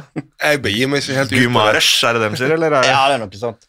Men sier de samme Coutinge og Ja, det, det, det er en slippery Ja. slope å skulle begi seg ut på det. altså. Vi får vel se den i, i VM òg, for uh, Brasil. Jeg var inne og kikka litt på de der eh, lagoppstillingene til Brasil her, og da så jeg han spilte av og til på midten der. Casemiro, Fabinho, Fred. Så han er inne i, inn i miksen med å spille VM for eh, Mm. Brasil. Og så er det, altså det, Steve Bruce fikk sparken 20. oktober. Da var de nummer 19 på tabellen. Så gikk det litt til, så kom Howe inn. Eh, Oppda leverer her statistikken på at Newcastle er det første laget i toppdivisjonen som har ikke har vunnet noen av de første 14 ligakampene sine, og likevel holdt seg siden Sheffield United i 1990-91. Altså Det er 14 kamper uten seier. Det så jo bekmørkt ut, og selv om Howe kom inn, og selv om han visste at her er det penger å handle for, så var det ikke sånn opplest og vedtatt at dette kommer til å ordne seg for Newcastle. Nei, nei, overhodet ikke. Men så måtte jo han riktignok vente på at overgangsvinduet skulle åpne Ja. for å kunne gjøre noe. Eh, men uansett hvor flink du er som trener, det tar jo tid. Vi snakket om Conte, det samme. Det tar jo tid å få implementert eh, dine ideer og din spillestil. og og Howe hadde jo en mer possession-orientert og pressorientert spillestil enn det spillerne hadde vært vant til under Mm. Steve Bruce. sånn at det er jo ting som tar tid på trening å få inn i ryggmagen. Så alle de lagene vi har vært innom til nå som har bytta trener, har klatra på tabellen siden de bytta trener. Er vi ikke, er vi ikke enige om det? Tottenham fra åtte til fire, var ikke det du sa? United fra åtte til seks. Og så har du da Newcastle Mm. fra 19 til 11. Og Så skal vi komme tilbake til de som kanskje ikke har klatret, da, men uh, nesten bare Watford, er det ikke? Ja, og, Jo, det var kanskje det. Sånn. Jo, vi kommer Hæ? tilbake til når vi kommer til det. Uh, Folk, grå, folk, ja, folk gråter alltid. Det er sånn der felles eh, orgasmer på Twitter. Hver gang jeg trener på folk, 'Å, det er så synd på han', og 'han har gjort en kjempejobb og en kjempefyr'. Altså, det det er en grunn til at den får sparken. da. Sannsynligvis så gir det jo kjempeeffekt uh, veldig ofte. Så vi hører jo når, Ja. betting, når bettingmilliardæren skal styre klubb, han kommer til å være knallhard med øksen. Ja, selvfølgelig, det er synd. Folk mister jobben sin osv., men de får godt betalt, går videre. Altså, ofte er det jo Ja, så Chelsea har jo virkelig De har jo lagt seg på den linjen. Ja, Abramovic. Det har jo vært hele æraen. Det er jo nådeløs. Mourinho til og med. Litt ut, ja. vekk med deg. Kommer inn igjen, vinner ligaen. Litt ut, nei, vekk med Eneste deg. problemet med det er jo at det er jo en veldig dyr måte å drive på. Det er dyrt å sparke trenere. ja, så det du er, dyrt, det, til det det. er dyrt å rykke ned òg. Ja, det er, det er jo det, da. Det er jo den balansen der. Ja. Men, men det som er med trenersparking òg, som jeg sier, er jo at Ja. du, du, du sitter jo med fasit i hånden når du da ser Ble de bedre, eller ble de dårlige? Ble de bedre, ting ble bedre. Ja. Så var det jo riktig. Da kan ingen si at ja, men jeg var så glad i han treneren. Ja, men Da var det jo riktig å sparke han. Spesielt denne i Leeds var jo kontroversiell. da. Kommer tilbake til den Ja, etterpå. kommer Vi, vi kjører videre. Vi, vi kan holde på litt lengre dag enn vi har gjort før, men det tror jeg folk tåler. Det er tross alt siste på sesongen. Uh, Crystal Palace blir nummer tolv under Patrick Vieira. De byttet jo trener før sesongen. De gjorde jo selv om Hodgson var ferdig egentlig, og Ja. han ble jo ikke sparket, han bestemte seg vel for å gi seg, men en helt ny uh, stil under Patrick Vieira. Man ender omtrent samme sted, avslutter sesongen med 1-0 mot Manchester United og blir nummer 12, som er en typisk Crystal Palace-plassering. Der var jeg skeptisk med Vieira Ja, inn mange var det. eh, sesongen. Jeg hadde sett litt det han hadde drevet med i Frankrike der og var litt usikker på han, men kjempejobb. Ja.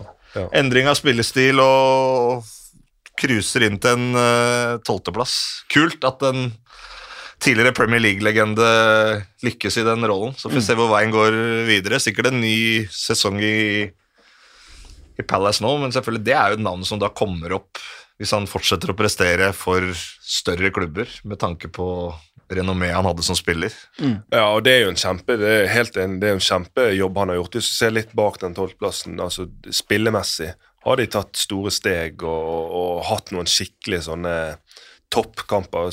Tok fullstendig luen av Arsenal, for eksempel. Sånn at, Og Tottenham òg. 3-0 over ja, sånn at det er liksom ganske ut, utakknemlig oppgave å være trener for eh, de klubbene i det siktet i Premier League. For at når vi ser på klubbene som ligger over, så er jo de så gode, og de har så store ressurser at det å ta en tolvteplass her med Palace er en vanvittig god trenergjerning av Viera. Fikk en tweet der fra Forsberg, Pelles-fan, som var gjest her før sesongen. eh, I, da hadde jo Kasper og gjengen en sånn gjennomgang av alle, han skriver vil bare påpeke at jeg meldte tolvteplass til Crystal Palace før eh, sesongstart. Så det er jo, det er jo bra. Uh, kun tolv tap. Uh, laveste antall tap de har hatt i en Premier League-sesong, Palace. Og det er jo da færre tap enn f.eks. Arsenal, som går på 13 tap eh, og blir nummer fem. Like mange som Manchester United. Så Vieira har eh, motbevist det som var av kritikere der. Og så er det Brentford. Vi har vært litt innom de allerede og snakket om hvor imponert vi var, men vi, vi ruller gjennom den nå. 46 uh, poeng får da flere poeng enn de to andre nyopprykkede lagene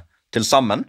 Uh, Brentford, som av mange var tippet sist, eh, fordi at de kom opp via playoff, og man trodde ikke at denne Moneyball-tilnærmingen og den troppen de hadde, skulle være god nok for Premier League, men de fikk en pangstart, og det fløt lenge på den. Det er godt Premier League-minne fra den sesongen her når de tok Arsenal 2-0 i den mm. første kampen. For folk grein på Ja. tribunen, og det var sånn det... Ja, det var så mye på det var åpent Ja. stadion, første på uten Eller første med tilskuere på det nye stadionet. Hele, det var sånn, hele samfunnet sto bak den seieren, og første Premier League, eller øverste nivåkamp siden Ja, de fikk en 50-tallet. men så gikk de ut litt tørre og begynte å se Det så mer og mer ut som de spådommene eh, Ja om at de skulle rykke ned, kom, og så kommer den danske frelseren, Christian Ja. Eriksen.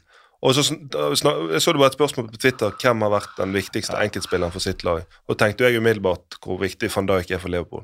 Men det Christian Eriksen-effekten på Brentford er jo eh, altså helt utrolig. Mm. Etter han kom inn, hva de har klart å snu rundt, og hvor involvert han har vært i absolutt alt de har utrettet. Ja, det er bare denne kronjuvelen i det danske imperiet som er Ja. det, det er jo sykt i seg sjøl at Brentford er den klubben de er, med den danske linken, og så plutselig åpner det seg en mulighet for å hente Christian Eriksen, Mm. den beste danske spilleren de siste ti årene. Altså Det er jo sykt nok i seg sjøl at han skal være aktuell for Brentford, og så klaffer det, og så funker det, og så funker hjertet, og så funker beina, og så funker alt, og så er det bare sånn euforisk dansk uh, greie. Ja, hele du spiller i flere kamper med trio der på midten, heldansk. Ja, ja. Med Nøgaard, Jensen og Eriksen og Jeg husker jeg tvitra det akkurat når han ble signert der. Jeg trodde det var en kanonsignering, at han ville gå inn der og passe og gi dem ikke minst styrke på dødballer, som de er ekstremt gode på fra før av. Mm. Det blei én scoring og fire ass på elleve kamper. Mm. Men selvfølgelig gir dem jo mye mer som et spillpunkt Ja, i det offensive. sett, da. Skulle gjerne sett statistikk på hockeyassist òg. Ja, At For han er involvert. Ja, på De dødballer eh, som ja. har sendt. Altså, han, Ja. For, for det var jo Når han signerte I begynnelsen var det gøy bare å se de treningsvideoene med, i Ajax. Altså Bare det å se han sparke en fotball igjen. Ja. Man visste jo ingenting om hva nivå er han på fysisk. Jeg skal være helt ærlig. Jeg, jeg tenkte når han ble signert til Brentford Ja, dette er en dansk vennetjeneste. Mm. De, at han skulle holde det nivået Jeg så ikke det du At han skulle, at han skulle komme inn. At han skulle komme inn med en fersk hjertestans og, og bare Det var et halvt år siden han var død. Ja. så, så det er jo det, Men det er jo veldig gøy, da. Altså, det er jo, Ja. tro, nå er det jo, han, han blir jo ikke i Brentford. Han kommer til å finne seg en Er sikker på det? Han, er- Nei, ja, han, er den Han er Premier Leagues sin Lasarus, for de som kjenner den. Ja. Ja, ja. Det er vanvittig imponerende. Og ehm, ti poeng siste fire hjemmekampene før det tap mot Leeds var med på å sikre plassen. De vant 13 ligakamper denne sesongen. Det er det tredje meste etter Wiggen Wigan og Reading eh, for en Premier League-debutant. Så det har vært veldig imponerende. Aston Villa eh, Kult med Even Tony, vi må melde han har tolv skåringer. Ja, absolutt.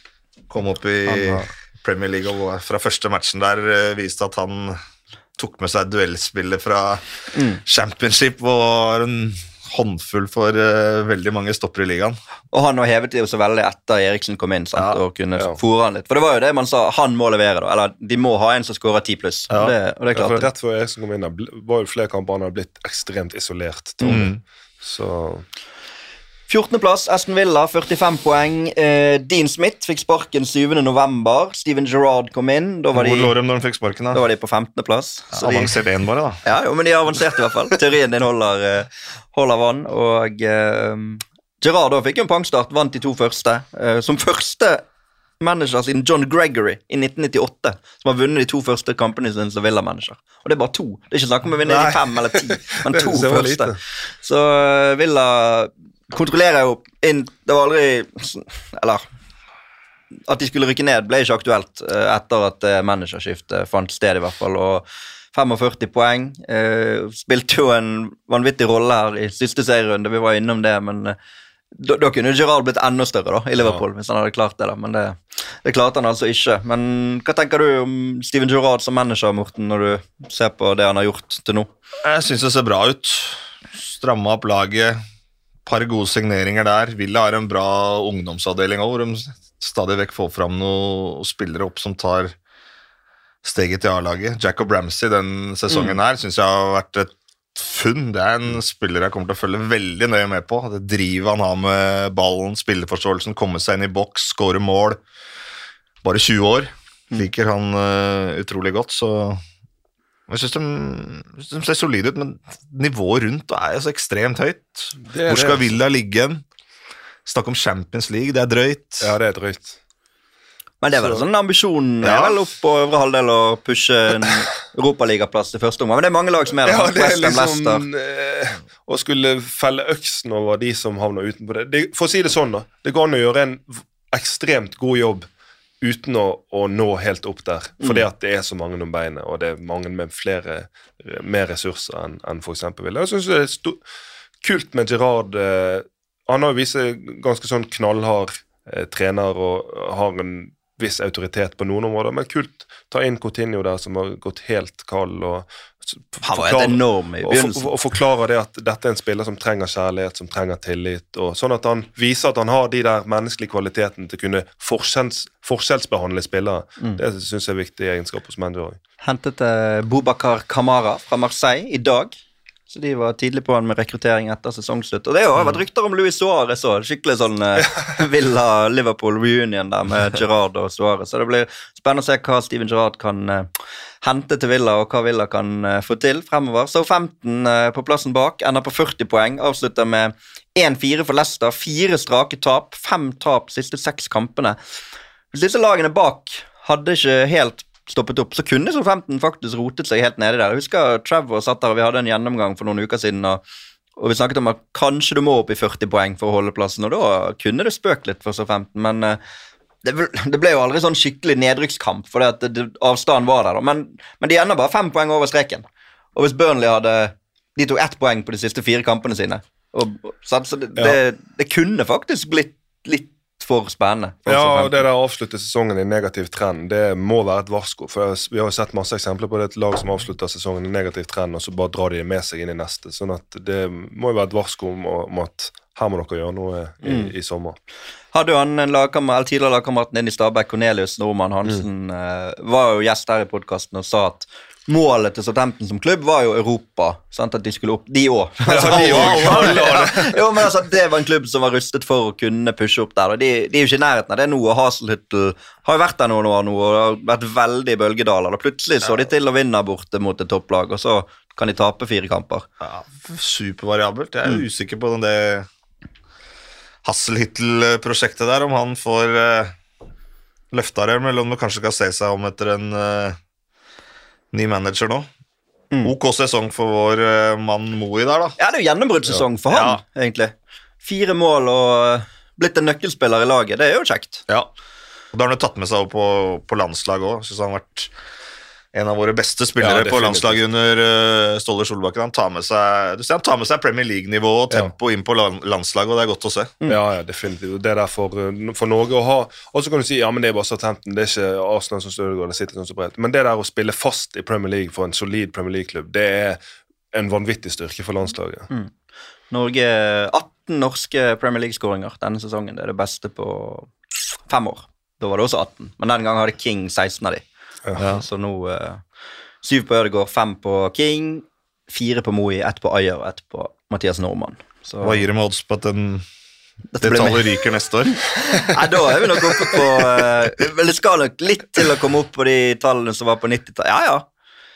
Rekorden er på 56 norske mål i 97-98. Ja, Det går ikke. Det klarer ikke Braut alene, i hvert fall. Men Nei, si Ødegaard skåret syv i år, da. Si Ødegaard skårer ti. Moi skårer fem. King hvis han får seg en ny klubb. Ja, Da er vi kan, på 20 pluss Braut. det kan gå. Men det, det, den er hard, den er hard å slå.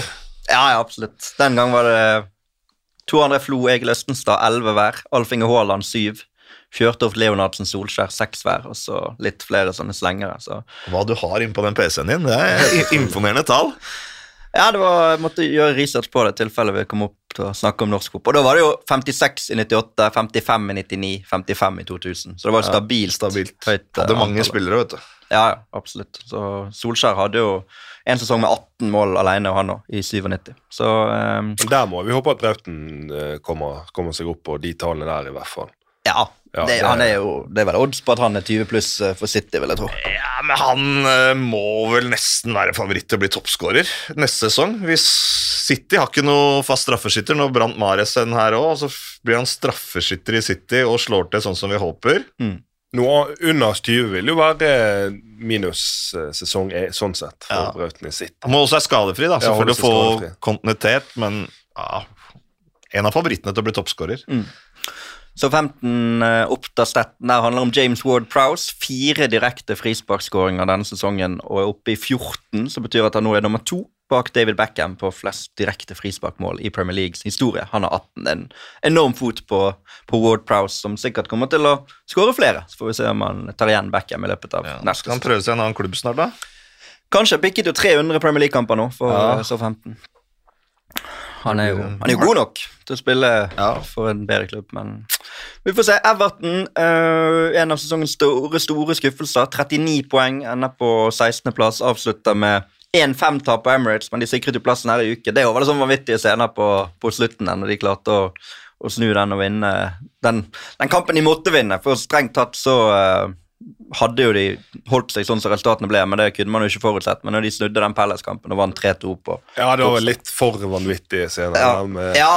Vieira og sånn, men, eh, og de kom vel litt tidlig på den første stormingen. Kom vel litt, litt for Ja. tidlig òg. men eh, Nei, Everton, det var Av og til så føler du at eh, klubbeier er helt totalt i utakt med klubben og supporterne. Og når Everton da ansetter tidligere Liverpool-manager Rafa Benitez, og det er motvilje fra the get-go, og det blir bare en kjempedårlig greie, masse negativitet, så, gir jo, så gir jo det et veldig, veldig vanskelig utgangspunkt. Og så inn med Lampard. Uh, enden, enden blir jo god, men eh, litt, uh, litt spent og litt usikker på hvor veien går videre for Everton med tanke på neste sesong. Ja. Skaden på Calvert Lewin der var vel med avgjørende. Han skåra vel litt tidlig på sesongen der, så Ja. ble han skada. Så kom det en ganske grei scoring på slutten der, da. Ja, de, de klarte liksom akkurat nok, da. De hadde jo, altså det er jo, En ting er jo at de jo, gjorde det dårlig lenge under Lampard, men når de på en måte måtte og var helt desperate, så så de Chelsea, de slår Manchester United altså, De vinner borte mot Leicester. Så de, de klarte liksom grinde Ja ut. Hva er det norske ja. ordet for det? Og så klarte de å få med seg fra at det var en nærmest sånn fiendtlig stemning på hjemmebane. Så Ja. klarte de plutselig å få med seg hele, byen, hele, hele fanskaren og supporterne. Og det tror jeg var helt avgjørende i de siste Mm. kampene. Benitez fikk sparken 16. januar, da var de nummer 15. Og så var Duncan Ferguson der litt, så de datt ut nummer 16. Lampard overtok 31. og endte som nummer 16. Så det gikk ikke nedover, i hvert fall. Nei, Så, minus 1, da. Ja. fra Benitez, ja. Fra Benitez, ja. Men, men likt fra Lampard kom inn. Ja. Så får si at det holder fremdeles. 16.-plass laveste til Everton siden 2003-2004-sesongen. Og 66 baklengsmål det er det meste de har hatt i Premier League-æraen. Det er mye, altså. For en klubb som på en måte i sommer da får inn Benitez, som er kjent for å stenge igjen litt. Og det, det, var, det ironiske er jo at de begynte jo ikke så verst heller. Altså Benitez var jo nominert til månedens manager der i begynnelsen. var ikke det? Og Det var jo med i toppen Ja. etter fem-seks kamper, tror jeg. Mm. Ja, altså De tok poeng på Old Trafford og var liksom helt der oppe. Andrews Townsend skåret. Skal sjekke. Ja, De var nummer fem etter syv kamper. Mm. etter de spilte uavgjort mot eh, United, Manchester United på Old Trafford. Så, og så stoppet det helt opp etter det, og de var, de var under streken noen runder der for noen uker tilbake, men klarte så vidt å vippe det i sin favør når det gjaldt som mest. Og det er også gjeldende for den neste storklubben, som vi skal innom, Leeds, som blir nummer 17 med 38 poeng. Vinner eh, når de må vinne bort mot Brentford siste runde. Første seieren siden 9. april. Og da, eh, da kunne de juble. Det var noen herlige scener der òg i går. eh, På, på tribunen. Rafinha og på tribunen med fansen der og etterpå. Viktig for Premier League å ha Leeds der oppe. Jeg savna dem de åra, sesongene de var eh, borte. Det trøkket som er på Ellen Road der eh, når Leeds får med seg resultater, det er, det er vilt. ass. Det er ikke så mange andre stadioner i Europa som kan by på noe av det samme. Nei. Eh, så, og så er det jo sånn, eh, igjen tilbake dette med trenersparken. Det var jo landet landesorg etter de sparket Bielsa der, men Mm, I februar. Den satt nok langt inne. Altså. Der må det ha vært Åh. Tøffe møter og diskusjoner på styrerommet, tror jeg. For og imot. Ja, han, altså kulthelt og det, men det viser jo seg Det var jo helt riktig, for den trenden de var inne i med Bielsa, det hans måte å spille på var jo blitt eh, dekodet av alt av motstandere. Sånn at de gikk jo i en periode der på slutten av Bielsa-æraen gikk jo de bare ut til slakt. Ja, det var riktig fra et resultatmessig perspektiv, da, og det var gjerne det man må ha, kanskje. For, men sånn emosjonelt og relasjonelt og menneskelig, så ville det ikke være, det ville det aldri være riktig å sparke Nei, men det ville vært har emosjonelt tøft å rykke ned òg. Ja, men, men for fansen der er det nesten så det kan godt hende en del av de faktisk heller ville rykket ned Ja. med Bielsa. Så var det mange av fansen da som mente at det ikke var Bielsas skyld, men mente at han ikke fikk de forsterkningene eller midlene til å hente spillere i overgangsvinduet, som er grunnen til at det fortsatte å gå nedover. da. Men så er jo ikke Bjelsa så veldig glad i å hente spillere heller, da. Han vil helst jobbe med de han, eh, de han har. Ja, Når Jesse de- Marsh kom inn der og fikk lagt vekk det der mann-mann-systemet organisert eh, i i soneforsvar og, og ja, stikke opp og ned, det, spillerstallen der er kanskje ikke noe topp ti. Nei, og de også sitter Spillerstand mye med skader, da. Altså, Ja. Calvin Phillips var ute. altså de Ja, ja. Ja, men det. Poengsnittet med og uten han, helt enormt stor forskjell. De må på en måte ta litt ansvar måten de trener på murderball med Bielsa, og at, at de skal få skader. Hvis du tror at du Og han liker ikke å rullere så mye, og de gjorde ikke så mye signeringer. Da setter du på en måte opp litt for å, for å få trøbbel. da. Ja da. ehm, de, eh, de gjorde nok det. 27. februar fikk han sparken, som sagt. 16. plass lå de på da. Ender på 17. Men eh, trenden var jo veldig nedadgående. Og eh, hva var det jeg skulle si? Jo, den eh, avisforsiden, så du den? Fansen som hadde trykket Ja. liksom, til Bielsa i lokalavisen hjemme i Argentina og takket han liksom en helside der fra liksom, Leeds-supporterne. Det sier jo litt om hvor mye han har betydd fordi han har tatt de opp igjen. Han, han vil jo alltid bli husket for det. Det er ikke sånn at Folk husker ikke han for den dårlige sesongen her i Premier League. Nei, men også syns jeg det er med trener at det går an å gjøre en fantastisk jobb i en lengre periode, eller i en periode, og så at det kommer til et punkt at nå er ikke jeg lenger den riktige Mm. mannen til til å ta dette videre. Og så at det blir en sånn avskjed der tenk alt han har gjort for oss, enn at det skal bli sånn Nei, han ble sparket, han, eh, han var ikke god. Og sånn er det vel her. Evig legende i Leeds. Så må Ja. vel notere at vi fikk en ny nordmann med Premier League-kamp Ja, to, faktisk. for Leeds. Både Claesson Ja. og Gjelde. Yes, Gjelde kom der òg, ja. Gjennom eh, denne sesongen. Utrolig nok. Det, var, det var en periode der det var mye, mye skader, Ja. og plutselig eh, Ja, Gjelde fikk to, han. Ja. Men Claesson kom inn der og fikk én. Mm. Så det er gledelig. Da, har du noen nye greier i statistikken Ja, får vi på inn på nordmenn i Premier League. Nei da, men det er absolutt det må noteres. Eh, Leeds første lag i sin Wiggen i 2011, som unngår nedrykk etter å ha startet sesongens siste dag under streken. Så um, de klarte å utnytte seg av den på bekostning av da Burnley. Og Leeds skåret også flere overtidsmål enn noen andre i Premier League denne sesongen. Fire seiersmål. Altså ikke overtidsmål, men overtidsseiersmål. Ja. Fire ganger har de gått fra ett til tre poeng på overtid. Ja. Og det har jo vært med på å vippe det i deres favør, blant annet på sesongens siste dag, da. Selv om det hadde holdt med ett, men det kunne man ikke vite der og da. For Burnley de klarte ikke å gjøre jobben mot eh, Newcastle, taper 1-2 hjemme, og er da første lag siden 2011 som har startet sesongen på trygg plass og havnet under streken. Eh, etter det som var en merkelig sesongavslutning eh, Sean Dyche fikk sparken 15. april. Da lå de på 18.-plass under streken. De valgte jo ikke å erstatte han, eller erstattet han internt med Michael Jackson, Smooth Criminal og Ben Me. King, Connor King var også inne der. Navnet jeg egentlig ikke har sett så mye nevnt, men har vært med som en sånn midlertidig sjef der. Og Michael Jackson ble månedens manager i april. Og da så det så lyst ut. Men på de siste fire så ble det ett poeng for Burnley, og da ble det nedrykk. Ja. Ja, altså det, det, de, de har jo brukt veldig lite penger de siste årene. Sean, Sean Dyche har jo vært eh, spesialist på å få mye, eller nok, ut av lite.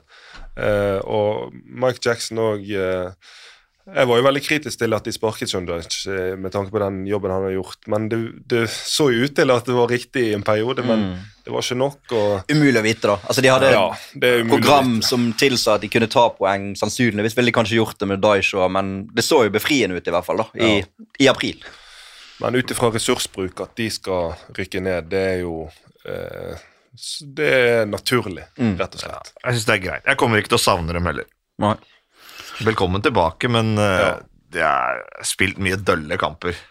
Ja, det er jo ikke et lag i Den nøytrale tilskuer vil jo heller ha Leeds eller Everton, altså det var jo Ja. åpenbart de siste ukene. Men det er spennende å se om det blir en nordmann som tar over der. Det har vært rykter med Kjetil Knutsen. Ole Gunnar Solskjær har vært linket, men Kjetil Knutsen har i hvert fall vært linket. og Morten Kalvenes, Christian Kalvenes, Linken, Burnley Det, det fins noen baller i luften der som går an å hente ned hvis de tør å gamble. Det, det hadde jo vært enormt uh, gøy for, eh, for Norge å få en, en norsk trener inn i en sånn klubb. Burnley med da eh, kun 53 baklengsmål. Tredje beste de har hatt i en Premier League-sesong, men eh, rykker ned for tredje gang i Premier League-æraen Burnley. Og Det er også Watford som eh, avsluttet med 1-2-tap mot Chelsea, men da var de long gone. Eh, tok kun ett poeng de siste ni kampene, og eh, de slo Southampton i mars. 13. mars. Etter det bare stoppet de. Da var det helt slutt. Roy Hodgson luft ut av ballong og fullstendig eh, stopp, rett og slett. Storseier der mot eh, United da vel. 4-1. Ja, de siste til Solskjær. Briljerte. Og så tapte de vel fem eller seks på rappen etter det òg.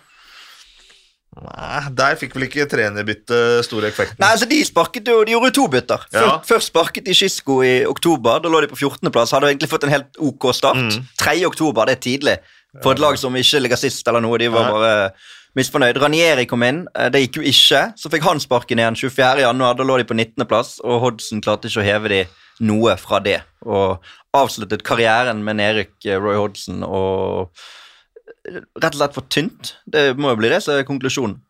Ja, det er som i den nedrykkskampen i Premier League i år, så ble det jo stor, etter hvert veldig stor avstand fra de to nederste.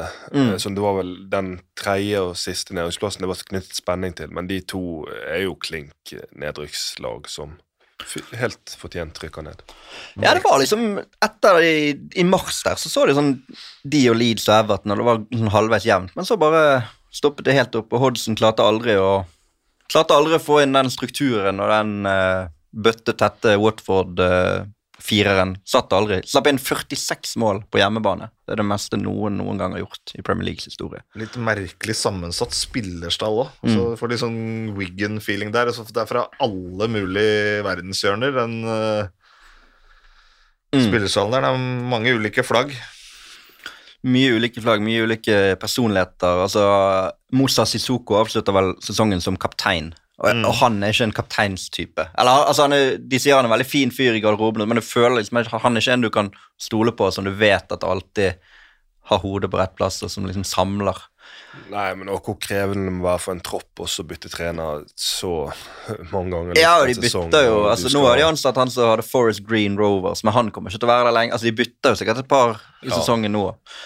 Men kan godt hende de rykker opp igjen. De som i hvert fall rykker opp igjen, det er Norwich, for de rykker opp og ned. De og Fulham bytter på å være i Premier League. Eh, avslutter sesongen eh, med 0-5-tap hjemme for Tottenham. Ett poeng siste syv kampene, 22 poeng til sammen. Da er det 16 poeng opp til sikker plass, og man kunne jo si det i høst. Ja, ja. Altså, Daniel Farke fikk sparken i november, da var de sist. Dean Smith kom inn, og det var jo aldri aktuelt, omtrent. De gjorde det bra i starten, og så så ble det bare hverdag, da. Ja, til tross for at Pukki skårer 11 denne sesongen her òg. Mm. Soleklart nedrykk. Minus 61 i målforskjell, nest verst i Premier League-æraen etter Derby sin famøse sesong med minus 69 i 2007-2008. Skal lese resultatene deres mot de beste lagene i Premier League. Da kan vi begynne med Leicester, som blir nummer åtte. Ta de åtte beste, da. Top eight. Så har Norwich mot Leicester på to kamper 1-5. Mot Westham 0-6. Mot Manchester United 2-4. Mot Arsenal 0-6. Tottenham 0-8. Chelsea 1-10. Liverpool 1-6. City 0-9. Null poeng og en radikal målforskjell. Altså det, det, er Mot de beste lagene så har de riktignok tatt noen poeng mot de dårligere, men Ja, men det 22 poeng til sammen. at de ikke hører hjemme i Premier League. Ja, de tar kun poeng mot nederste halvdel. Ja. De var ikke gode nok. Nei, Og da blir det nedrykk på Norwich, som kanskje kommer opp igjen. Ja da. For det har vært Det- veldig gode championship. Ja, ja, men det, det er vanskelig øvelse, og det å ligge i sikte akkurat kanskje litt for god for championship, og ikke helt god nok for Premier League, men, men eh, noe må jo være i den rollen. De og Fulham. Fulham og Bournemouth kommer opp, så blir det enten Nottingham eller Huddersfield. Det blir spennende å se. Da er vi gjennom tabellen, og gjennom oppsummeringen, og gjennom eh, TV2s Premier League-podkast for denne gang. Noen innspill før vi runder av? Er det noe, har du noe mer på hjertet, Morten? Eller? Det gikk jo nesten litt sånn som vi venta. Mm. Tippa på forhånd. Ikke de store, ikke de store overraskelsene. Everton trodde vel ikke at det, at det skulle gå så ille. Nei. Manchester Og United, kanskje. United sin vårsesong Ja. er nå Selv om Altså det at de blir nummer seks og er såpass langt unna Champions League-plass, da. Ja. Med de signeringene som kom inn. Det var jo ekstase med Sancho, Varan og Cristiano Ronaldo inn Mm. Mm. på laget, som ble nummer to sist sesong. Mm. Da tenkte man det kan bli hva som helst. Men det ble elendig. Det ble det. Rett og slett. Men dette var ikke elendig, dette var kjekt. Ja, dette var veldig Veldig, kjekt. Det var- veldig hyggelig. Fascinerende, den, de notatblokkene dine der. eh, Veldig, det er imponerende. Det med, mye handler om research. Det er viktig å, å gjøre jobben på, på den biten. Så Vi har um, fått Claesson og Gjelde inn i, ja, de er inn i inne på arkivene. inne i En ny keeper. Vi snakker om Premier League, men det, de statistikkene dine vil jo si holder Champions League-nivå. høyere nivå i Premier League enn Champions League. Ikke? Vanskeligere, vanskeligere å vinne Premier League enn Champions League. Nei, det er, har vært kjekt å ha dere med. Tusen takk for at du kom, Yao. Yes. Tusen takk for at du var med i dag, Morten. Bare Er det debut på Premier League-podkasten? Det det. Nei, jeg har vært med før. Ja, du har vært med før. Men ikke denne sesongen, kanskje? Ikke denne sesongen. Nei, så Jeg har hatt litt sånn der, eh, fri fra podkaster noen år. ja. Ja, men det har vært fint. Men i dag gjorde jeg comeback. Ja. Til, ære for deg og, og Premier League-æraen på TV2. Ja, det er veldig bra. Og vi må egentlig bare takke alle som har vært med i årene som har vært, eh, og som har ledet Kasper, Espen, alle som har uh, hatt denne podkasten opp gjennom årene. Så får vi se hvordan det blir til høsten. Det er for tidlig for meg å si noe om akkurat nå, men uh, i hvert fall Takk for nå. Takk til moderne medier som har hjulpet oss å produsere. Og tusen takk selvfølgelig til dere som har sett på og hørt Ikke sett på, ser ikke på her. Hørt på oss hørt på. gjennom årene og kommet med innspill. Så to tomler opp for det, og så sier vi bare takk for nå og på gjensyn.